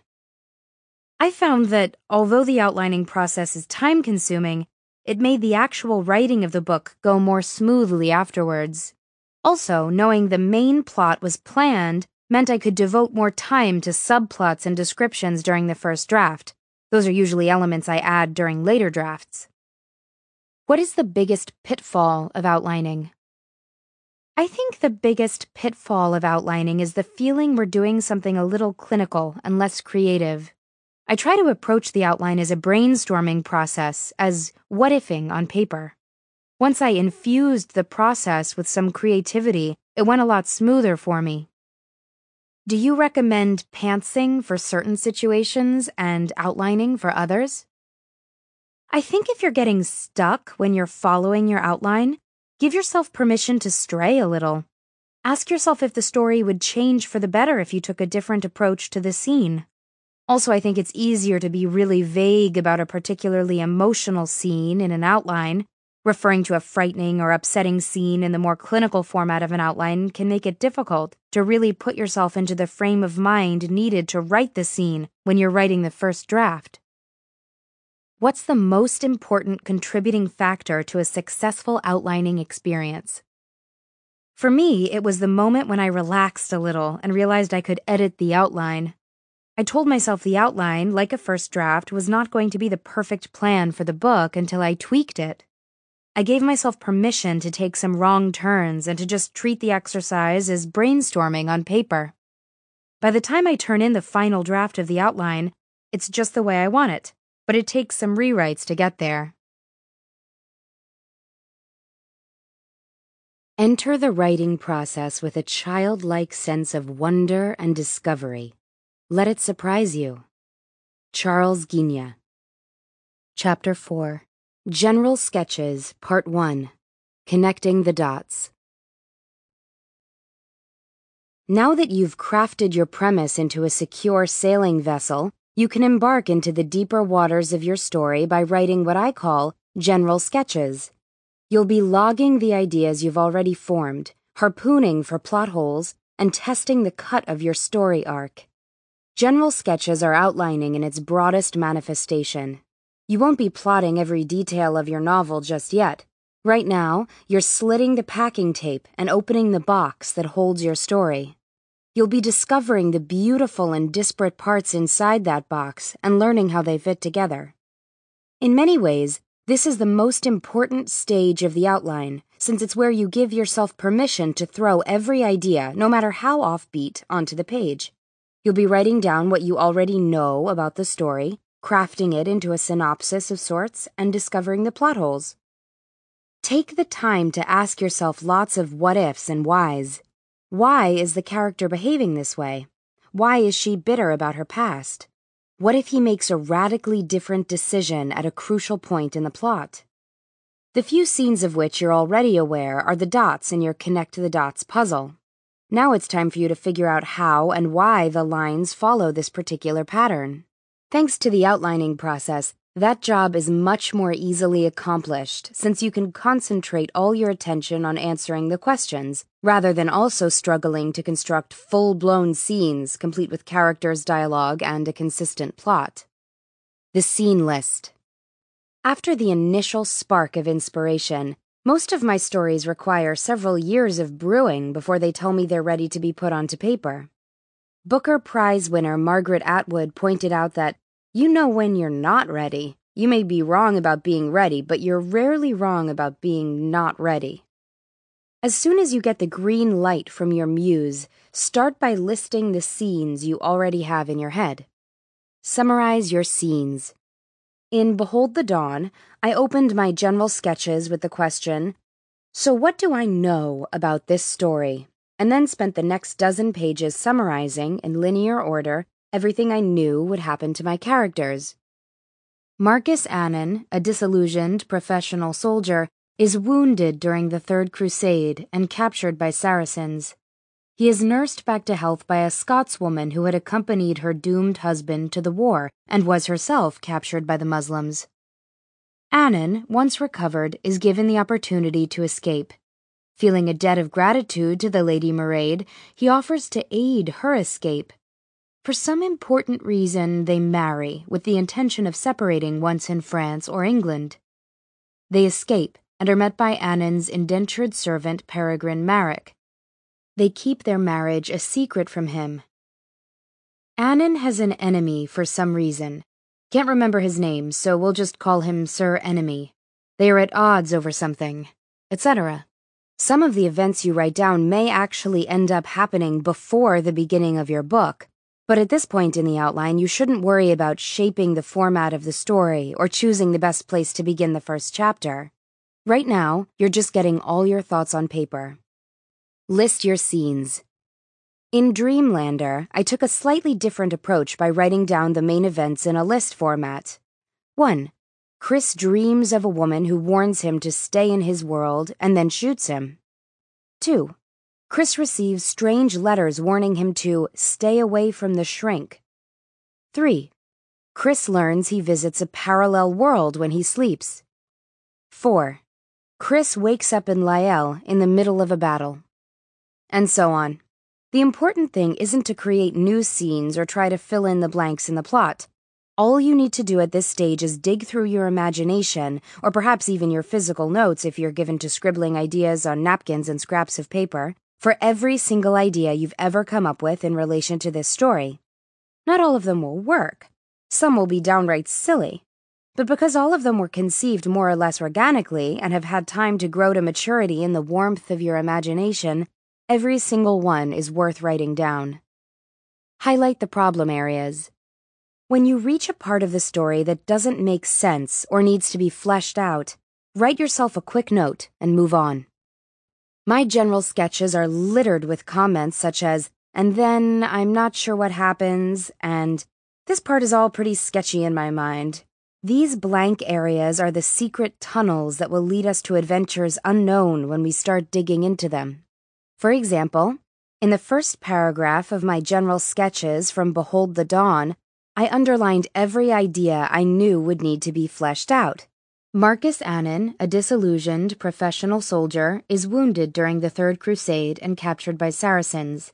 Underline, he is nursed back to health, end underline, by a Scotswoman who had accompanied her doomed husband to the war and was herself, underline, captured by, end underline, the Muslims. Annan, once recovered, is given, underline, the opportunity and underline, to escape. Feeling a debt of gratitude to the Lady Mairead, he offers to aid her escape. Underline, for some important reason they marry, and underline, with the intention of separating once in France or England. They escape and are met by Annan's indentured servant, underline, Peregrine Marek, and underline. They keep their marriage a secret from him. Underline. Annan has an enemy for some reason, End underline. Can't remember his name, so we'll just call him Sir Enemy. They are at odds over something. At the end of each day's outlining session, I go back over the pages I've written and make a note in the top margin indicating what kind of information is found on each page, e.g., sketches, character sketches, Marcus Annan, outline, etc., so I can easily find what I'm looking for later on. Then, Armed with highlighters, I run back over my notes for the day and mark in orange anything that needs further work. Later, when I actually begin my outline, I'll mark in blue any idea that's solid and complete enough to be transcribed. Whenever I come up with an idea that belongs either earlier or later in the outline, I'll mark it in pink with an accompanying arrow indicating where I'll need to move it when I'm ready to start transcribing. Because writing longhand precludes the use of words find feature, and because rifling through a notebook full of sloppy handwriting can make locating a specific idea only slightly less daunting than deciphering Morse code, taking a few minutes at the end of each writing session to highlight pertinent portions saves a lot of time and frustration in the long run. Connecting the dots. Your basic scene plan may be pages long as it was for me in Behold the Dawn, or just a few paragraphs, as it was in Dreamlander. Length isn't important. All that matters is you now have a working map of your story so you can see at a glance what's missing. In other words, you can see the dots outlining the picture that will become your story, and you can see the blank spots between those dots, representing the plot holes in your story. At the end of Behold the Dawn scene list, my next step was to acknowledge the many questions still needing to be answered. From there, I dove right in with the most salient questions. Who was Annan's enemy, and why? And started experimenting with possible answers, some of which raised additional questions. Maybe Annan's enemy is a bishop or something. I'll have to be careful with that, though. He has to be a completely fictional character, can't taint a historical character with my own views or plot needs. Could Annan have a secret in his past? Maybe he's a runaway monk. Whoa, now there's a thought. If I did that, it would mean Annan's indifference toward life is only a pretense. He could have left the church because of indifference, of course, but that's too dispassionate for his character. He could have left because he saw through the hypocrisy of the church. But I don't want to go too far against the mores of the day. Martin Luther hasn't rocked the boat yet. We can't have Annan making too many waves of his own. No, better, I think that he left because he was hurt. Maybe a friend was killed unjustly by the bishop. Free write. I encourage you to forget as many of the rules of good prose as possible. Write as quickly as you can and don't stop to censor yourself. I talk to myself on paper, sometimes in first person, sometimes in second person, sometimes in plurality. Anyone brave enough to decipher my notes would probably decide I was dissociative. I tell myself jokes and allow myself to laugh at them. I gush about my characters. I use exclamation points with abandon. The point is, release your inhibitions and just write. Let yourself meander down side trails, explore dusty nooks and crannies, and dream wild dreams. Only a small portion of these ramblings will be of use in the final draft. But the only way to find the treasure is to get yourself all mucky crawling around in the jungle. No prim and proper tea here, ladies and gentlemen. It's time to don your pith helmet and embark on a safari. Listen to your body. As much as we want readers to intellectually appreciate our writing, we need them even more to react with utter, unthinking emotion to the underlying pull of the story and its characters. The magic ingredient in fiction is that special something that socks readers right in the gut and leaves them breathless with joy or sorrow, or maybe wabi sabi, the Japanese term for that impossibly beautiful combination of the two. We have to be careful we don't let the very important intellectual side of the craft take precedence over the even more important guidance of our primal, instinctive, emotional gut feelings. Our emotional and physical responses to our ideas are often the most accurate indication of their value. We've all read books that were perfectly executed, but somehow lacked that magic. I thoroughly enjoyed the magnificent wordcraft of Diane Setterfield's The Thirteenth Tale, but for whatever reason it never connected with me emotionally. On the other hand, Jane Porter's perhaps technically and certainly historically suspect The Scottish Chiefs never fails to wring me out like a wash rag after dinner dishes. A story that connects with me emotionally will win my approval, even if it fails on certain structural levels. I'll forgive your plot issues if you make me love your characters and resonate with your themes.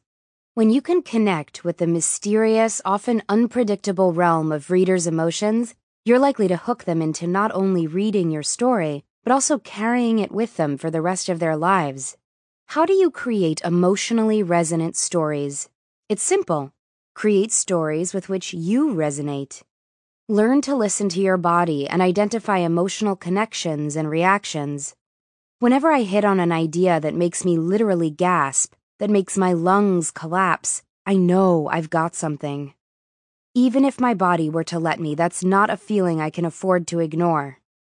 When a story or a character or a theme rips at my heart or fills me with joy, I know I've tapped a powerful emotion, and if I can channel that emotion, then I'll likely give readers a similar experience. Best selling mystery author Elizabeth George spoke about how writing is as much a physical experience as an intellectual one. The committee in your mind, as she calls it, can lead you astray, but your gut reactions are rarely wrong. National Book Award finalist Dan Chaon explains it as a little minnow flash of unshakable emotion, a character, a situation, a voice. You know you've got it when you feel a little tingle in your chest, a flip flop of your stomach.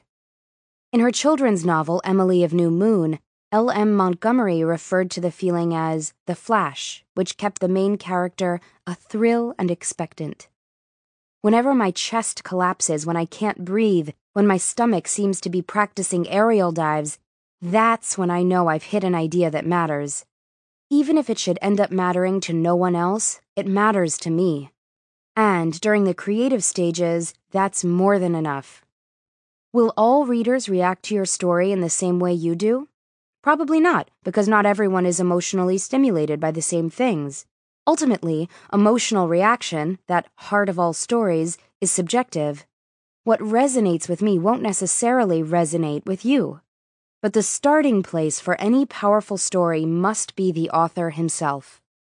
If a story doesn't resonate first and foremost with you, why believe it will ever be able to touch a reader? What does your physical response to emotional resonance feel like? If you don't already know, you need to find out. Ask questions. When you get stuck, and you will get stuck, remember to ask yourself questions. Instead of stating the problem, the princess is trapped in the high tower, phrase it as a question. How can I get the princess out of the high tower? It's amazing how much creativity can be unleashed with a question mark. For a squiggly line with a dot at the end, it wields untold power. Periods put a full stop on inspiration. They indicate whatever idea the preceding sentence holds is complete unto itself and doesn't require further exploration. A question mark, on the other hand, is a swinging door, urging us to step forward and peek through the opening. What's in there? How can we find it? How can we use it? In Dreamlander, I used explicit questions and implicit questions via the word maybe to explore a character I felt I wasn't using to her full capacity. How can I involve Allara a little bit more? Utilize her viewpoint more? She can't just stand around talking to the Garowai all day, she has to have something to do. What does a princess do exactly? Hmm. What does a searcher do? Well, she rides her great black stallion around, talks to the Garowai, encourages her people, visits the dream lake, spurns courtiers, etc. I think I'm going to kind of have to play her by ear, unless she was reacting versus acting. Once she's found Chris, her essential job is done, so the fact that she's the searcher really doesn't have much bearing. But could it? What could the searcher do beyond find Chris? Obviously, she's got a good rapport with the Garowai. Maybe the only person allowed to speak with the Garowai is the searcher. So she's kind of a go between for Lael and the Garowai. But that still has her just standing around talking to him. Maybe she has some project to help in the Lake Country's defense, or the defense of Ori Rian. I don't want her to be all female warrior, but I don't want her to be a damsel in distress either. Maybe she rides to the various cities and settlements, recruiting soldiers and warning the people. She would take her bodyguard along, of course, except when he's busy training Chris. I think Tirius's army needs to be drawn up against Mactalde's even before Chris crosses the worlds.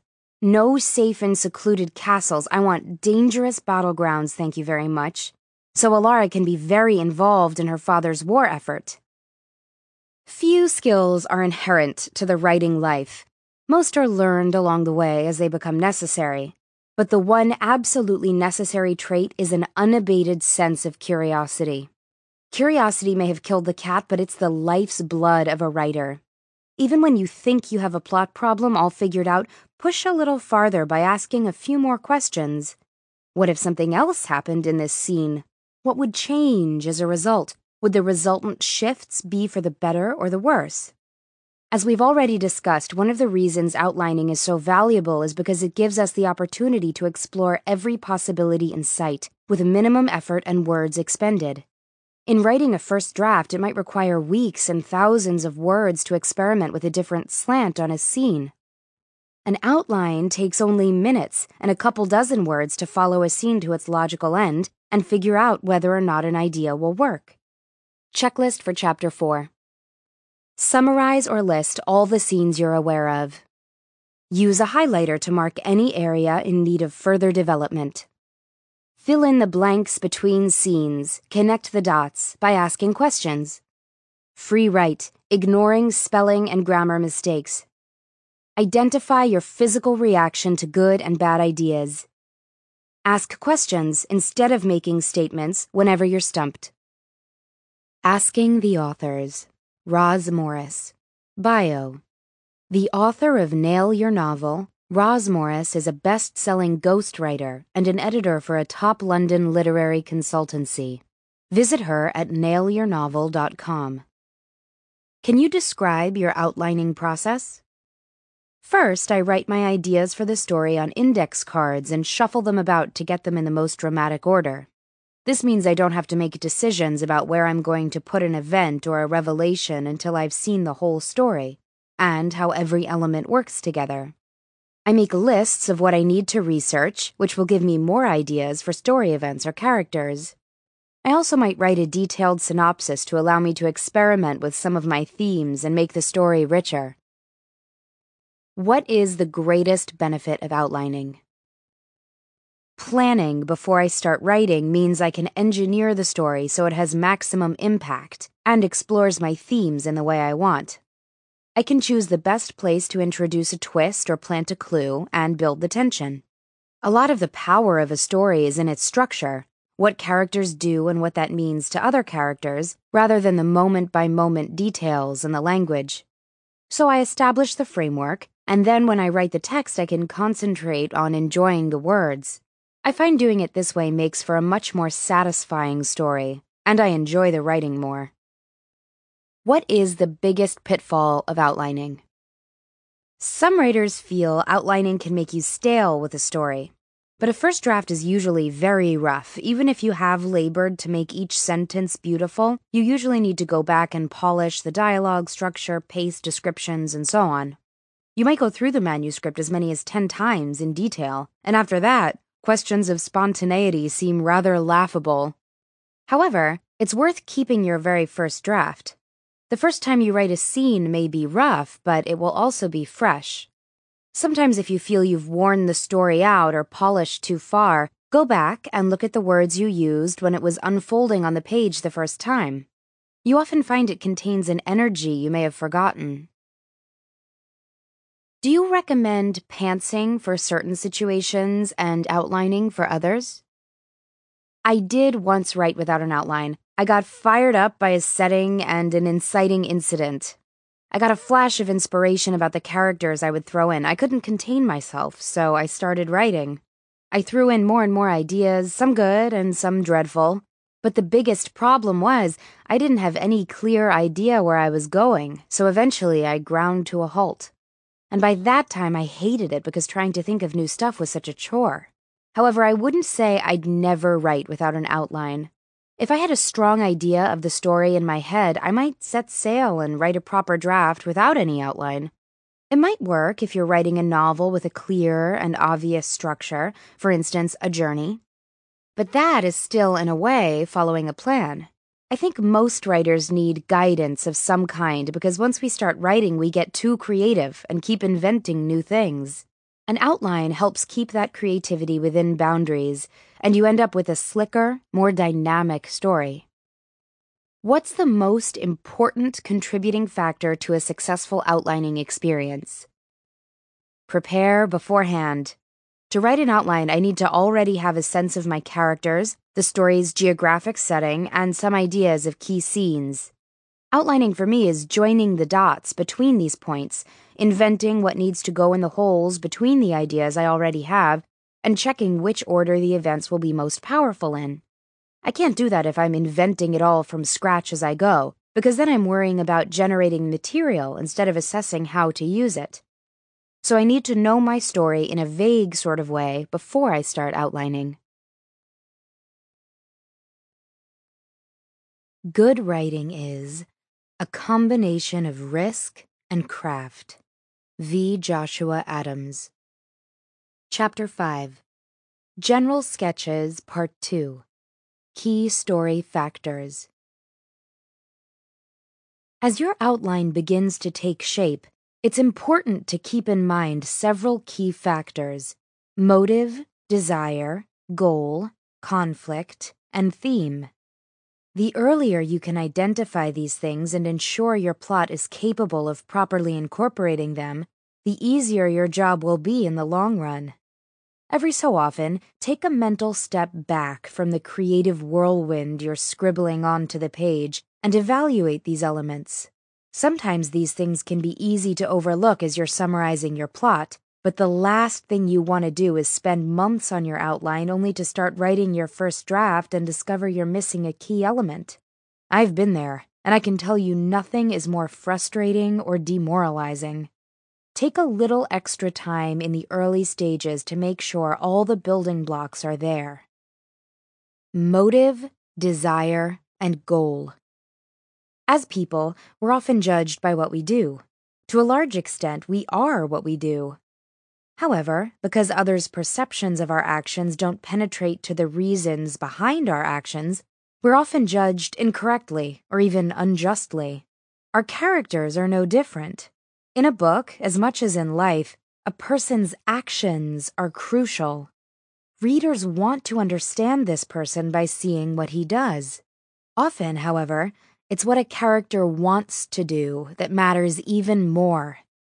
Humans aren't always able to act upon their good or bad intentions, but does that make those intentions any less powerful or any less defining? And, even when we do act upon them, our actions can be misconstrued by others. What we intend for good may be viewed as evil by others. What we do with selfish intent may be seen by others as something valiant or altruistic. Orson Scott Card points out that a character is what he does, yes, but even more, a character is what he means to do. In Behold the Dawn, I made a list of the main characters and their various motives for their various actions. Annan wants to die on the battlefield because he feels the guilt for his crimes is too great a burden to go on carrying.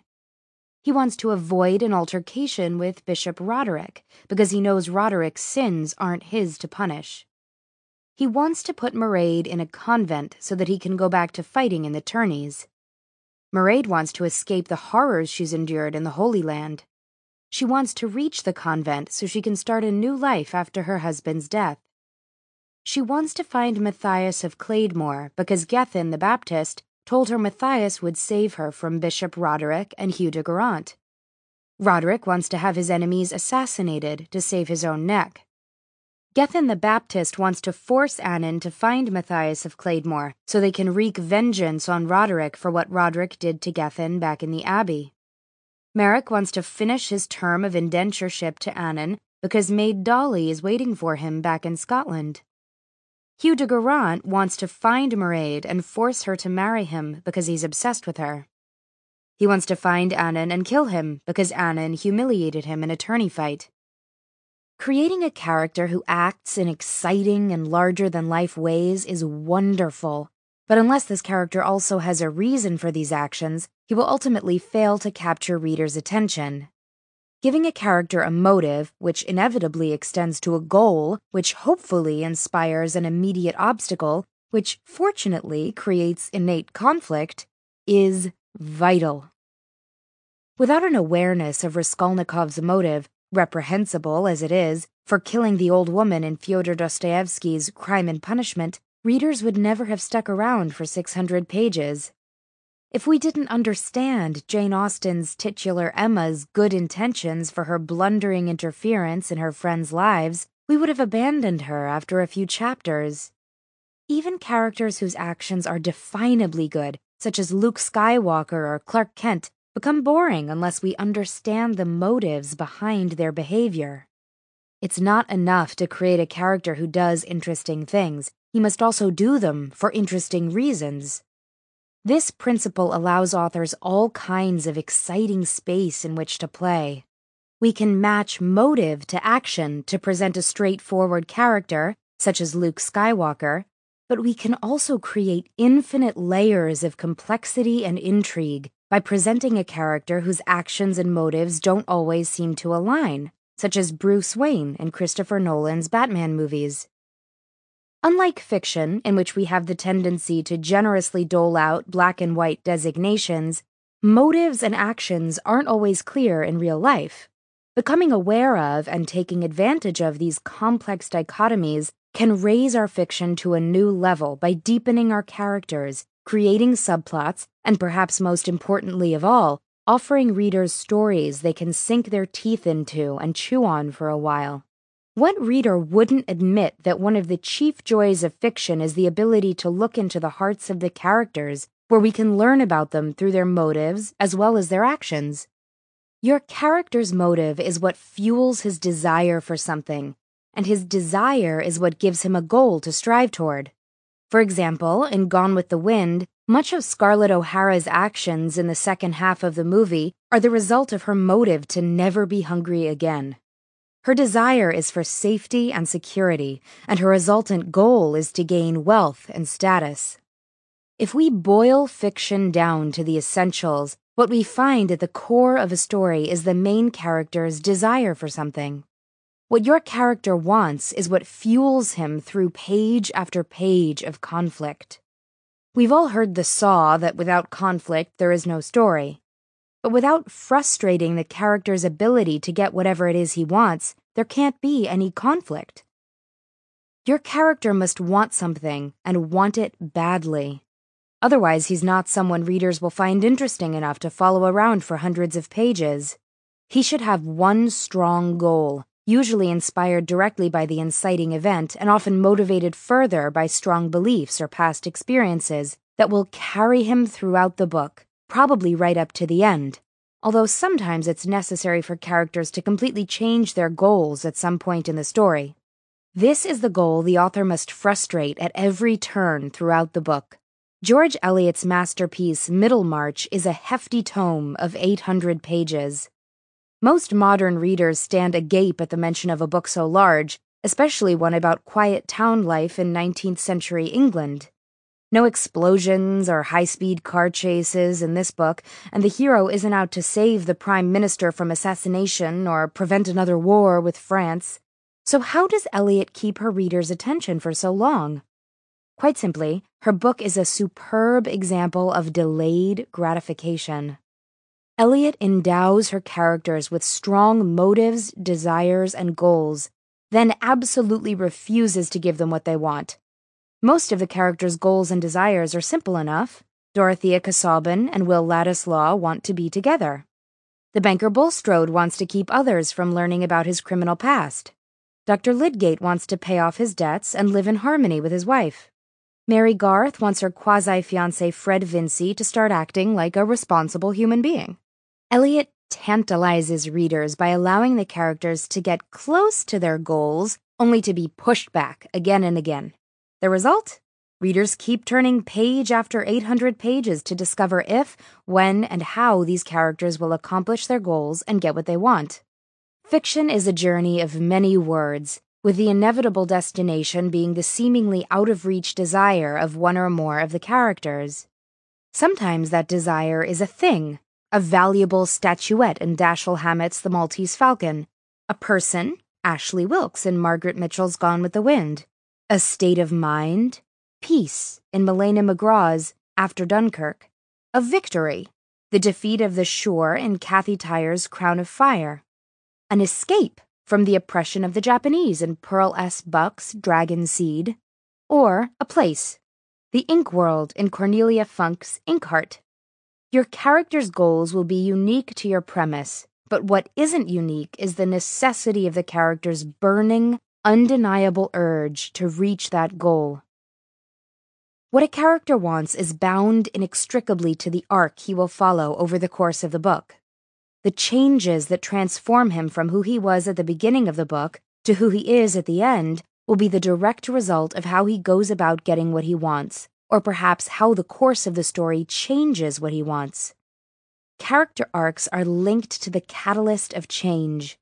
You can chart a character's arc through the progression of the story by comparing his personality, his behavior, his personal values, and his beliefs at the beginning and end of the book. How have they changed? And they must change not just on the surface, but also within the character's personal mores. Creating a solid, memorable character arc requires several important ingredients. Start out with a clear idea of who the character is at the beginning of the story.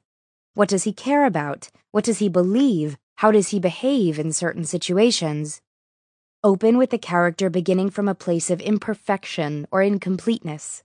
Usually, but not always, a main character's arc will show him growing into a better person. Give the reader concrete examples throughout the book, but particularly early on, of the behavior and beliefs the character needs to change. If he's a selfish jerk, maybe he goes out of his way to be cruel to a bum on the street. If he's a coward, maybe he cringes in a closet while someone else is beaten and robbed. Give the character the tools he needs to improve himself. This can come in the form of a mentor's advice or even just the character's actions creating a situation he recognizes as untenable. Growth needs to be slow and steady throughout the middle of the book. Save the moment of revelation so it coincides with the emotional and physical climax. This isn't always possible, but when you can bring the climaxes of the outer and inner journeys together, the result is explosive. prove the character's inner changes through his actions. It's not enough to have him vow to be a better person, he has to prove it to the reader. Sometimes you can find a nice parallelism by reversing his earlier actions. If he was cruel to a bum on the street in the earlier scene, perhaps he could go out of his way to buy a meal for a bum at the end of the story. Conflict. Who says conflict is a bad thing? Who says world peace is the most important goal of humanity? Who says arguing with your little brother when you're a kid means you'll grow up to be an ill mannered ruffian? Not a writer. You can break every rule and still have a whopper of a story, so long as you remember to throw in a dash of conflict. Or actually, a heaping tablespoon or two would be preferable. And yet, many inexperienced authors forget all about conflict when planning their stories. One of the most common problems I encountered in editing unpublished authors' manuscripts is a complete lack of conflict. Authors allow their characters to wander aimlessly about their pages, hardly speaking to other characters and rarely encountering any obstacle except, usually, a dreary worldview. No matter how marvelous your character, your plot, or your writing, no reader is going to be able to resist yawning in boredom over the lack of conflict. The simple fact is, fiction has its very basis in conflict. If the main characters aren't clashing, if there are no wars, if the aliens are content to stay unobtrusively in their own galaxies, then we really don't have much of a story, do we? If Elizabeth and Mr. Darcy hit it off from the beginning, we never would have experienced all that wit and sizzle in Pride and Prejudice. If the North and South had resolved their differences over a handshake, Scarlett O'Hara would never have needed to escape a burning Atlanta. And if the Martians had minded their own business back on Mars, Orson Welles could never have made history by freaking out thousands of people with his War of the Worlds radio broadcast. How does an author manufacture this most precious of story ingredients? Happily enough, conflict is one of the easiest and most fun bits of story to craft. Once you have your character's motive, desire, and goal in place, all you have to do to rain down conflict on his head is to start throwing up obstacles between him and his goals. We authors are really pretty mean folk. Here we are, creating characters whom we're supposed to love almost as much as our family and friends, and yet every day, on every page, we make these characters suffer by refusing to give them what they want and need. Truth be known, we kind of enjoy making them suffer. How can we grin at ourselves around our toothbrushes every morning and feel no shame for this blatant sadism? Very simply because if we did, our characters would have no reason to exist and we'd be out of a job. Conflict fuels fiction, and frustration fuels conflict. Every time the character and the reader begins to think victory and happiness are around the bend, the author has to find some way to circumvent them. As authors, we often identify ourselves with our main characters when really we are always taking the part of the antagonist, helping him in his battle to defeat the hero. This sort of frustration is obviously necessary in thrillers and action stories in which the characters' lives must be under continual threat in order to maintain suspense. But even cozy romances and leisurely literary novels demand frustrated characters. How can you keep the stakes as high as possible for your readers? Watch for lags.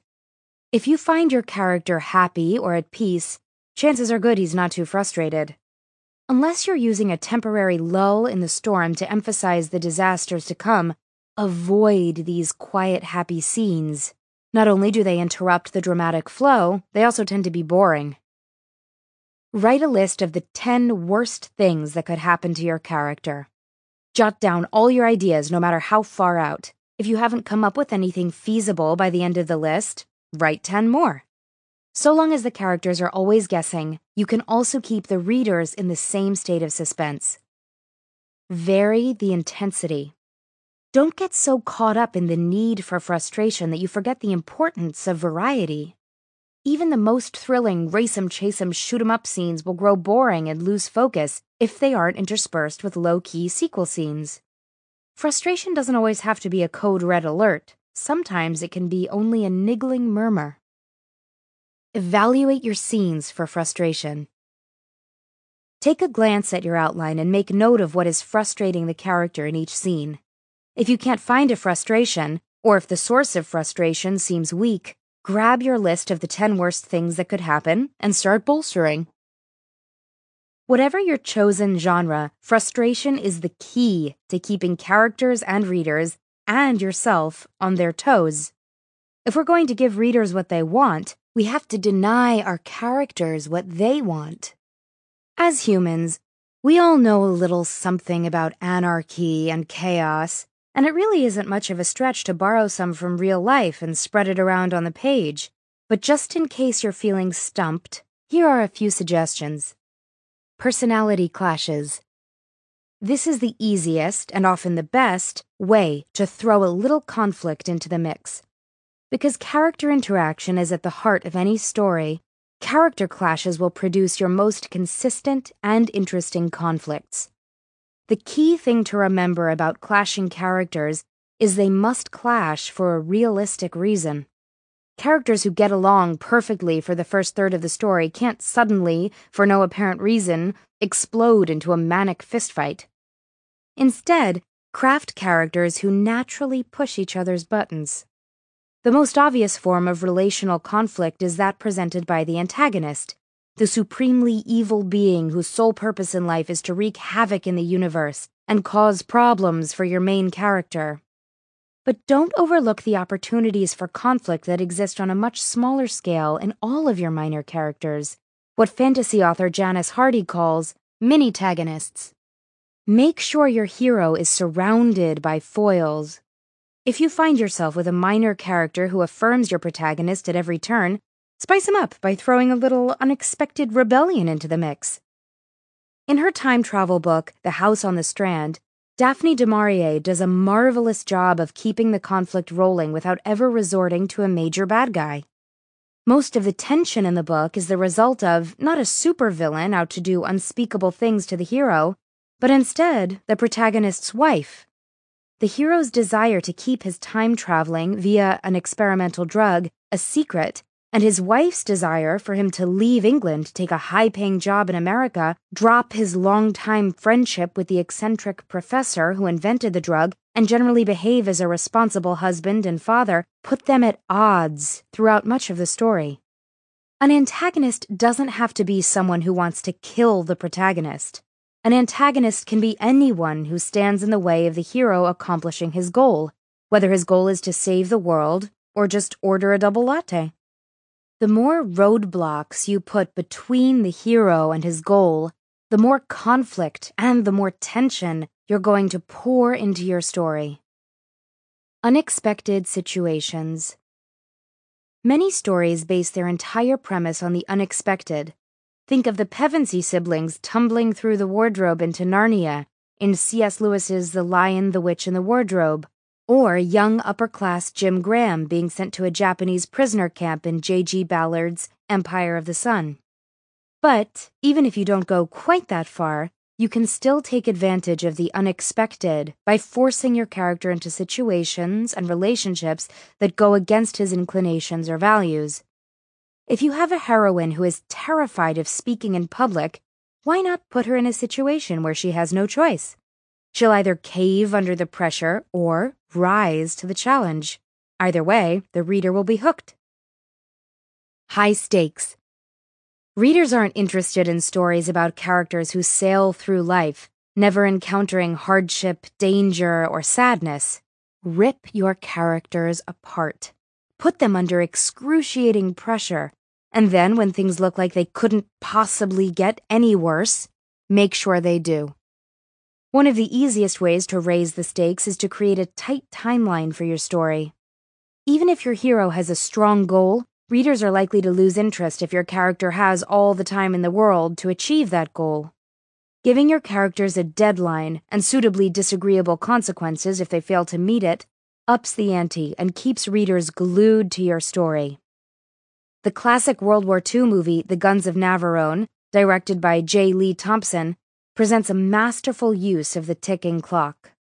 The heroes are on a suicide mission to destroy two huge guns in a German fortress. From the very beginning, they're on a tight schedule, If they don't blow up the guns in just a few days, hundreds of men stranded on the island of Kheros and everyone in the ship sent to rescue them will be killed. You'd think that would be tension enough, but scriptwriter Carl Foreman took things one step farther. Halfway into their mission, with a wounded man on their hands and half their supplies destroyed, the team members get word the deadline has been moved up a full day. Their already suicidal mission now looks completely impossible. Viewers are on the edge of their seats and right in the palm of the filmmaker's hand. Putting a time limit on your character's goals, whether that goal is to destroy an enemy base or just buy groceries, brings a whole new level of tension to your story. If your story takes place over a course of weeks, try shortening the timeline to days and watch that ticking clock energize both your characters and your readers. Inner and outer battles. Both inner and outer battles are necessary to produce well rounded, memorable characters. When these battles are present in every scene, authors are able to use them to simultaneously advance the plot and develop their characters within the plot. In other words, conflict has to occur not just on the larger scale of the novel, whether that be a family crisis or World War III, but also on the smaller theater of the character's inner life.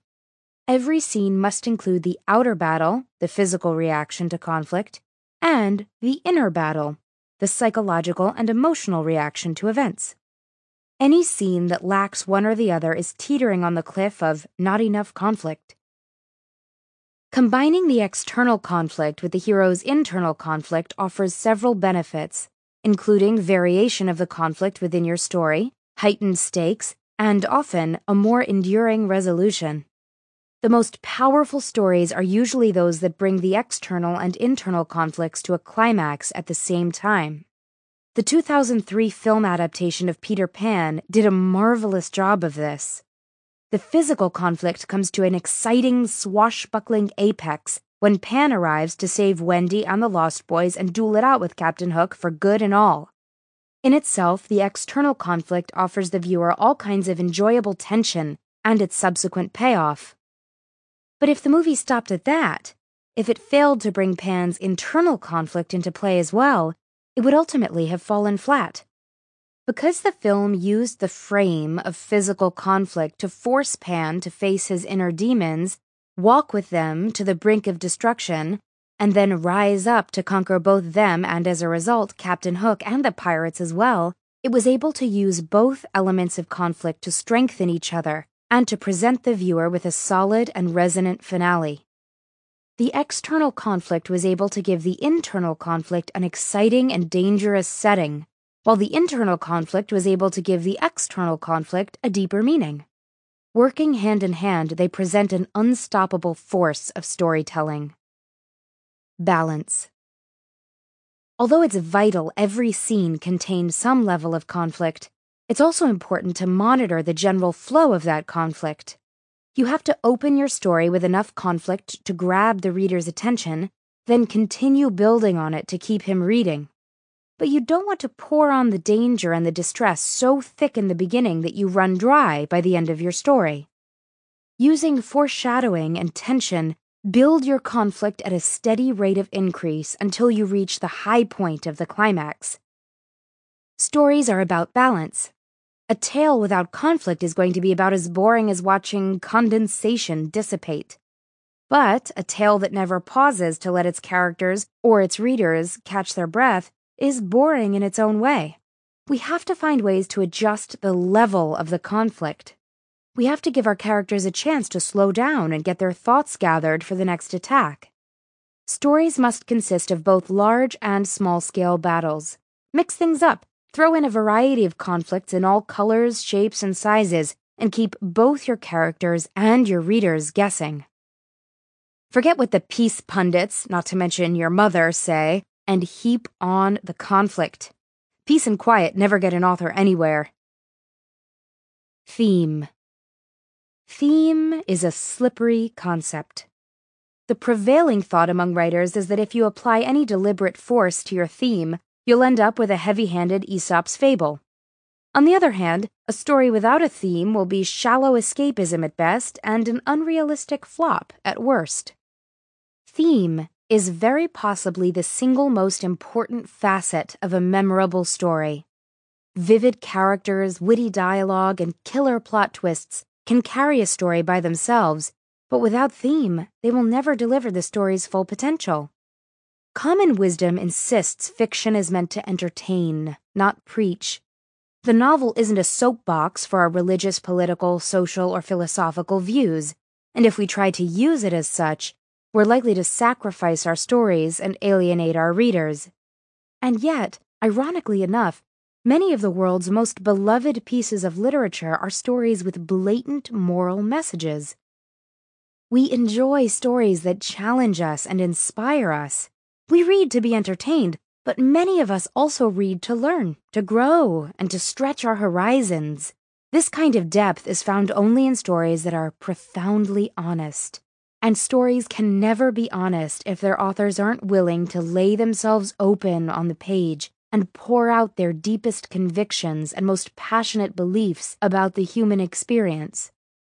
As an author, your most powerful gift is your unique and integral view of the world. When you strip fiction down to its essentials, the author's viewpoint is all there is. He may mask it artfully in the colorful garb of diverse characters and impartial dialogue, but if he's not willing to share with his readers his own passionate worldview, he's not giving them anything more than fluff. So, does this mean we should drag out soapboxes and start haranguing our readers into converting to our own viewpoints? Absolutely not. Nothing turns fiction readers off faster than a condescending author who preaches at them. Incorporating a message into our stories does not mean spelling out beliefs and arguments. Instead, it's a matter of choosing strong themes in which we fervently believe, creating multidimensional characters who struggle with the gray areas of life along with the rest of us, and crafting a plot that forces us to ask the hard questions. Someone once said being a novelist isn't about offering answers, it's about asking questions. People are sometimes afraid of sharing too much of themselves in their writing. But let's be blunt. If you're worried about this, why write in the first place? What is fiction if not an intimate glimpse into someone else's heart and soul? Whether your stories are read by two people or two million, your writing is your legacy to the world. Make it worth sharing. Write yourself a list of the subjects, issues, and beliefs you'd fight and die for. If none of the items on your list make their way into your fiction, you should be asking yourself, why not? Use characters to share theme. If you concentrate too much on theme, you risk alienating your audience through moralizing. But if you squelch all thoughts of theme, you're likely to rob your story of its central life force, its heartbeat, its meaning. So, what's a writer to do? As with almost every aspect of story, character is once again the key to making your theme come to unforgettable life. Theme is the lesson your characters will have learned, or failed to learn, by the end of the story. The best of themes well up effortlessly and even unconsciously from the heart of the character's actions and reactions. In Joseph Conrad's classic, Lord Jim, the saga of a young sailor who is haunted by his one cowardly act, the theme could perhaps be summed up as the repercussions of betrayal. Because the theme is a natural outflow of Jim's initial action, saving his own life instead of aiding his ship's drowning passengers, and his subsequent reactions, fleeing in shame, hiding out on an Indonesian island, and ultimately learning from his initial mistake and refusing to save his own life when the island comes under attack, Conrad's views on the subject can never be construed as moralizing or off point. Indeed, the theme is at the very heart of the novel. Without it, Lord Jim would have been a rambling tale about the journeys of an ambiguous and forgettable young man. The key to strong theme is strong character progression. The changes your character undergoes in the chapters between the inciting incident and the climax will define your theme. But these changes must flow naturally from the characters. If Conrad hadn't presented Jim as an idealistic young man who desperately regretted his actions aboard the Patna, the ending in which Jim chooses to sacrifice himself on the island would never have rung true. His transformation would have come across as forced and unrealistic. Conrad would have been guilty of moralizing, that blackest of authorial sins, and Lord Jim would never have reached its classic status. How to discover your theme. How do you go about implementing theme? Or perhaps the better question is, should you go about implementing theme? Many writers avoid deliberate thoughts of theme while constructing their outlines and writing their first drafts. Many enter their stories with little or no intention for a specific theme until, somewhere in the middle of the novel, the characters do or say something that dangles the scarlet thread of theme in front of the delighted author's nose. Although I have never gone so far as to ignore theme, from the moment of a story's conception, I have my eyes stretched wide to catch that first glimpse of a possible theme. I do believe the single most important trick for capturing the sometimes elusive and always ephemeral theme is to pour yourself into creating authentic characters who react to their various crucibles in authentic ways. Thanks to your outline, you know where the story will end before you ever write your first draft. Because you'll be able to see your plot progression and character arcs at a glance, you'll be able to identify your theme early on. Most stories offer a variety of themes, but you'll want to ask yourself the following questions in order to discover and strengthen the most prominent thematic thread. What's the main character's internal conflict? In most novels, this is a question that gets answered early in the outlining process, since it will drive the entirety of the story. Which of the main character's views will change as a result of the story's events? How and why? This is where you'll find the underlying force of your theme. Your character's views will define his actions, and his actions will define the story. How will the main character demonstrate his respective views and attitudes at the beginning and the end of the story? This is an extension of the previous question, but it is vital because, as we discussed earlier in regard to character arc, its answer will prove the changes to the reader. Is there any particular symbolism that can reinforce the theme and the character's attitude toward it? Like theme itself, symbolism is often overstated and generally better when culled organically from your unconscious mind. For example, sometimes you'll find yourself using a particular color or image to represent something. If the symbol proves effective, you can later go back and strengthen it. How can you use the subtext, the unstated, to exemplify the theme so you won't have to spell it out for the reader? When it comes to theme, the unstated is almost always more powerful than the direct.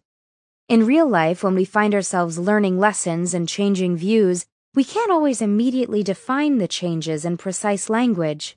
And neither should your character. Lord Jim didn't have to tell us his actions on the island were a direct result of his earlier cowardice. The connection was obvious from the subtext and would, in fact, have weakened if Conrad mentioned it outright. Once you've answered these questions, you should have some interesting ideas to include in your outline. My results for Dreamlander ended up looking like this Weakness Chris Redston is selfish and irresponsible. He spends his life in search of the next big adrenaline trip, not really caring whom he lets down or hurts along the way. Who is he hurting? His dad, Joe, random bystanders, Brooke, Lisa, Mike. What does this character want? Chris wants to make the dreams stop. What does this character need? To take responsibility for his actions and sacrifice himself for the good of others. What does he know at the beginning? That people shirk their responsibilities and hurt you, and that life is always just one step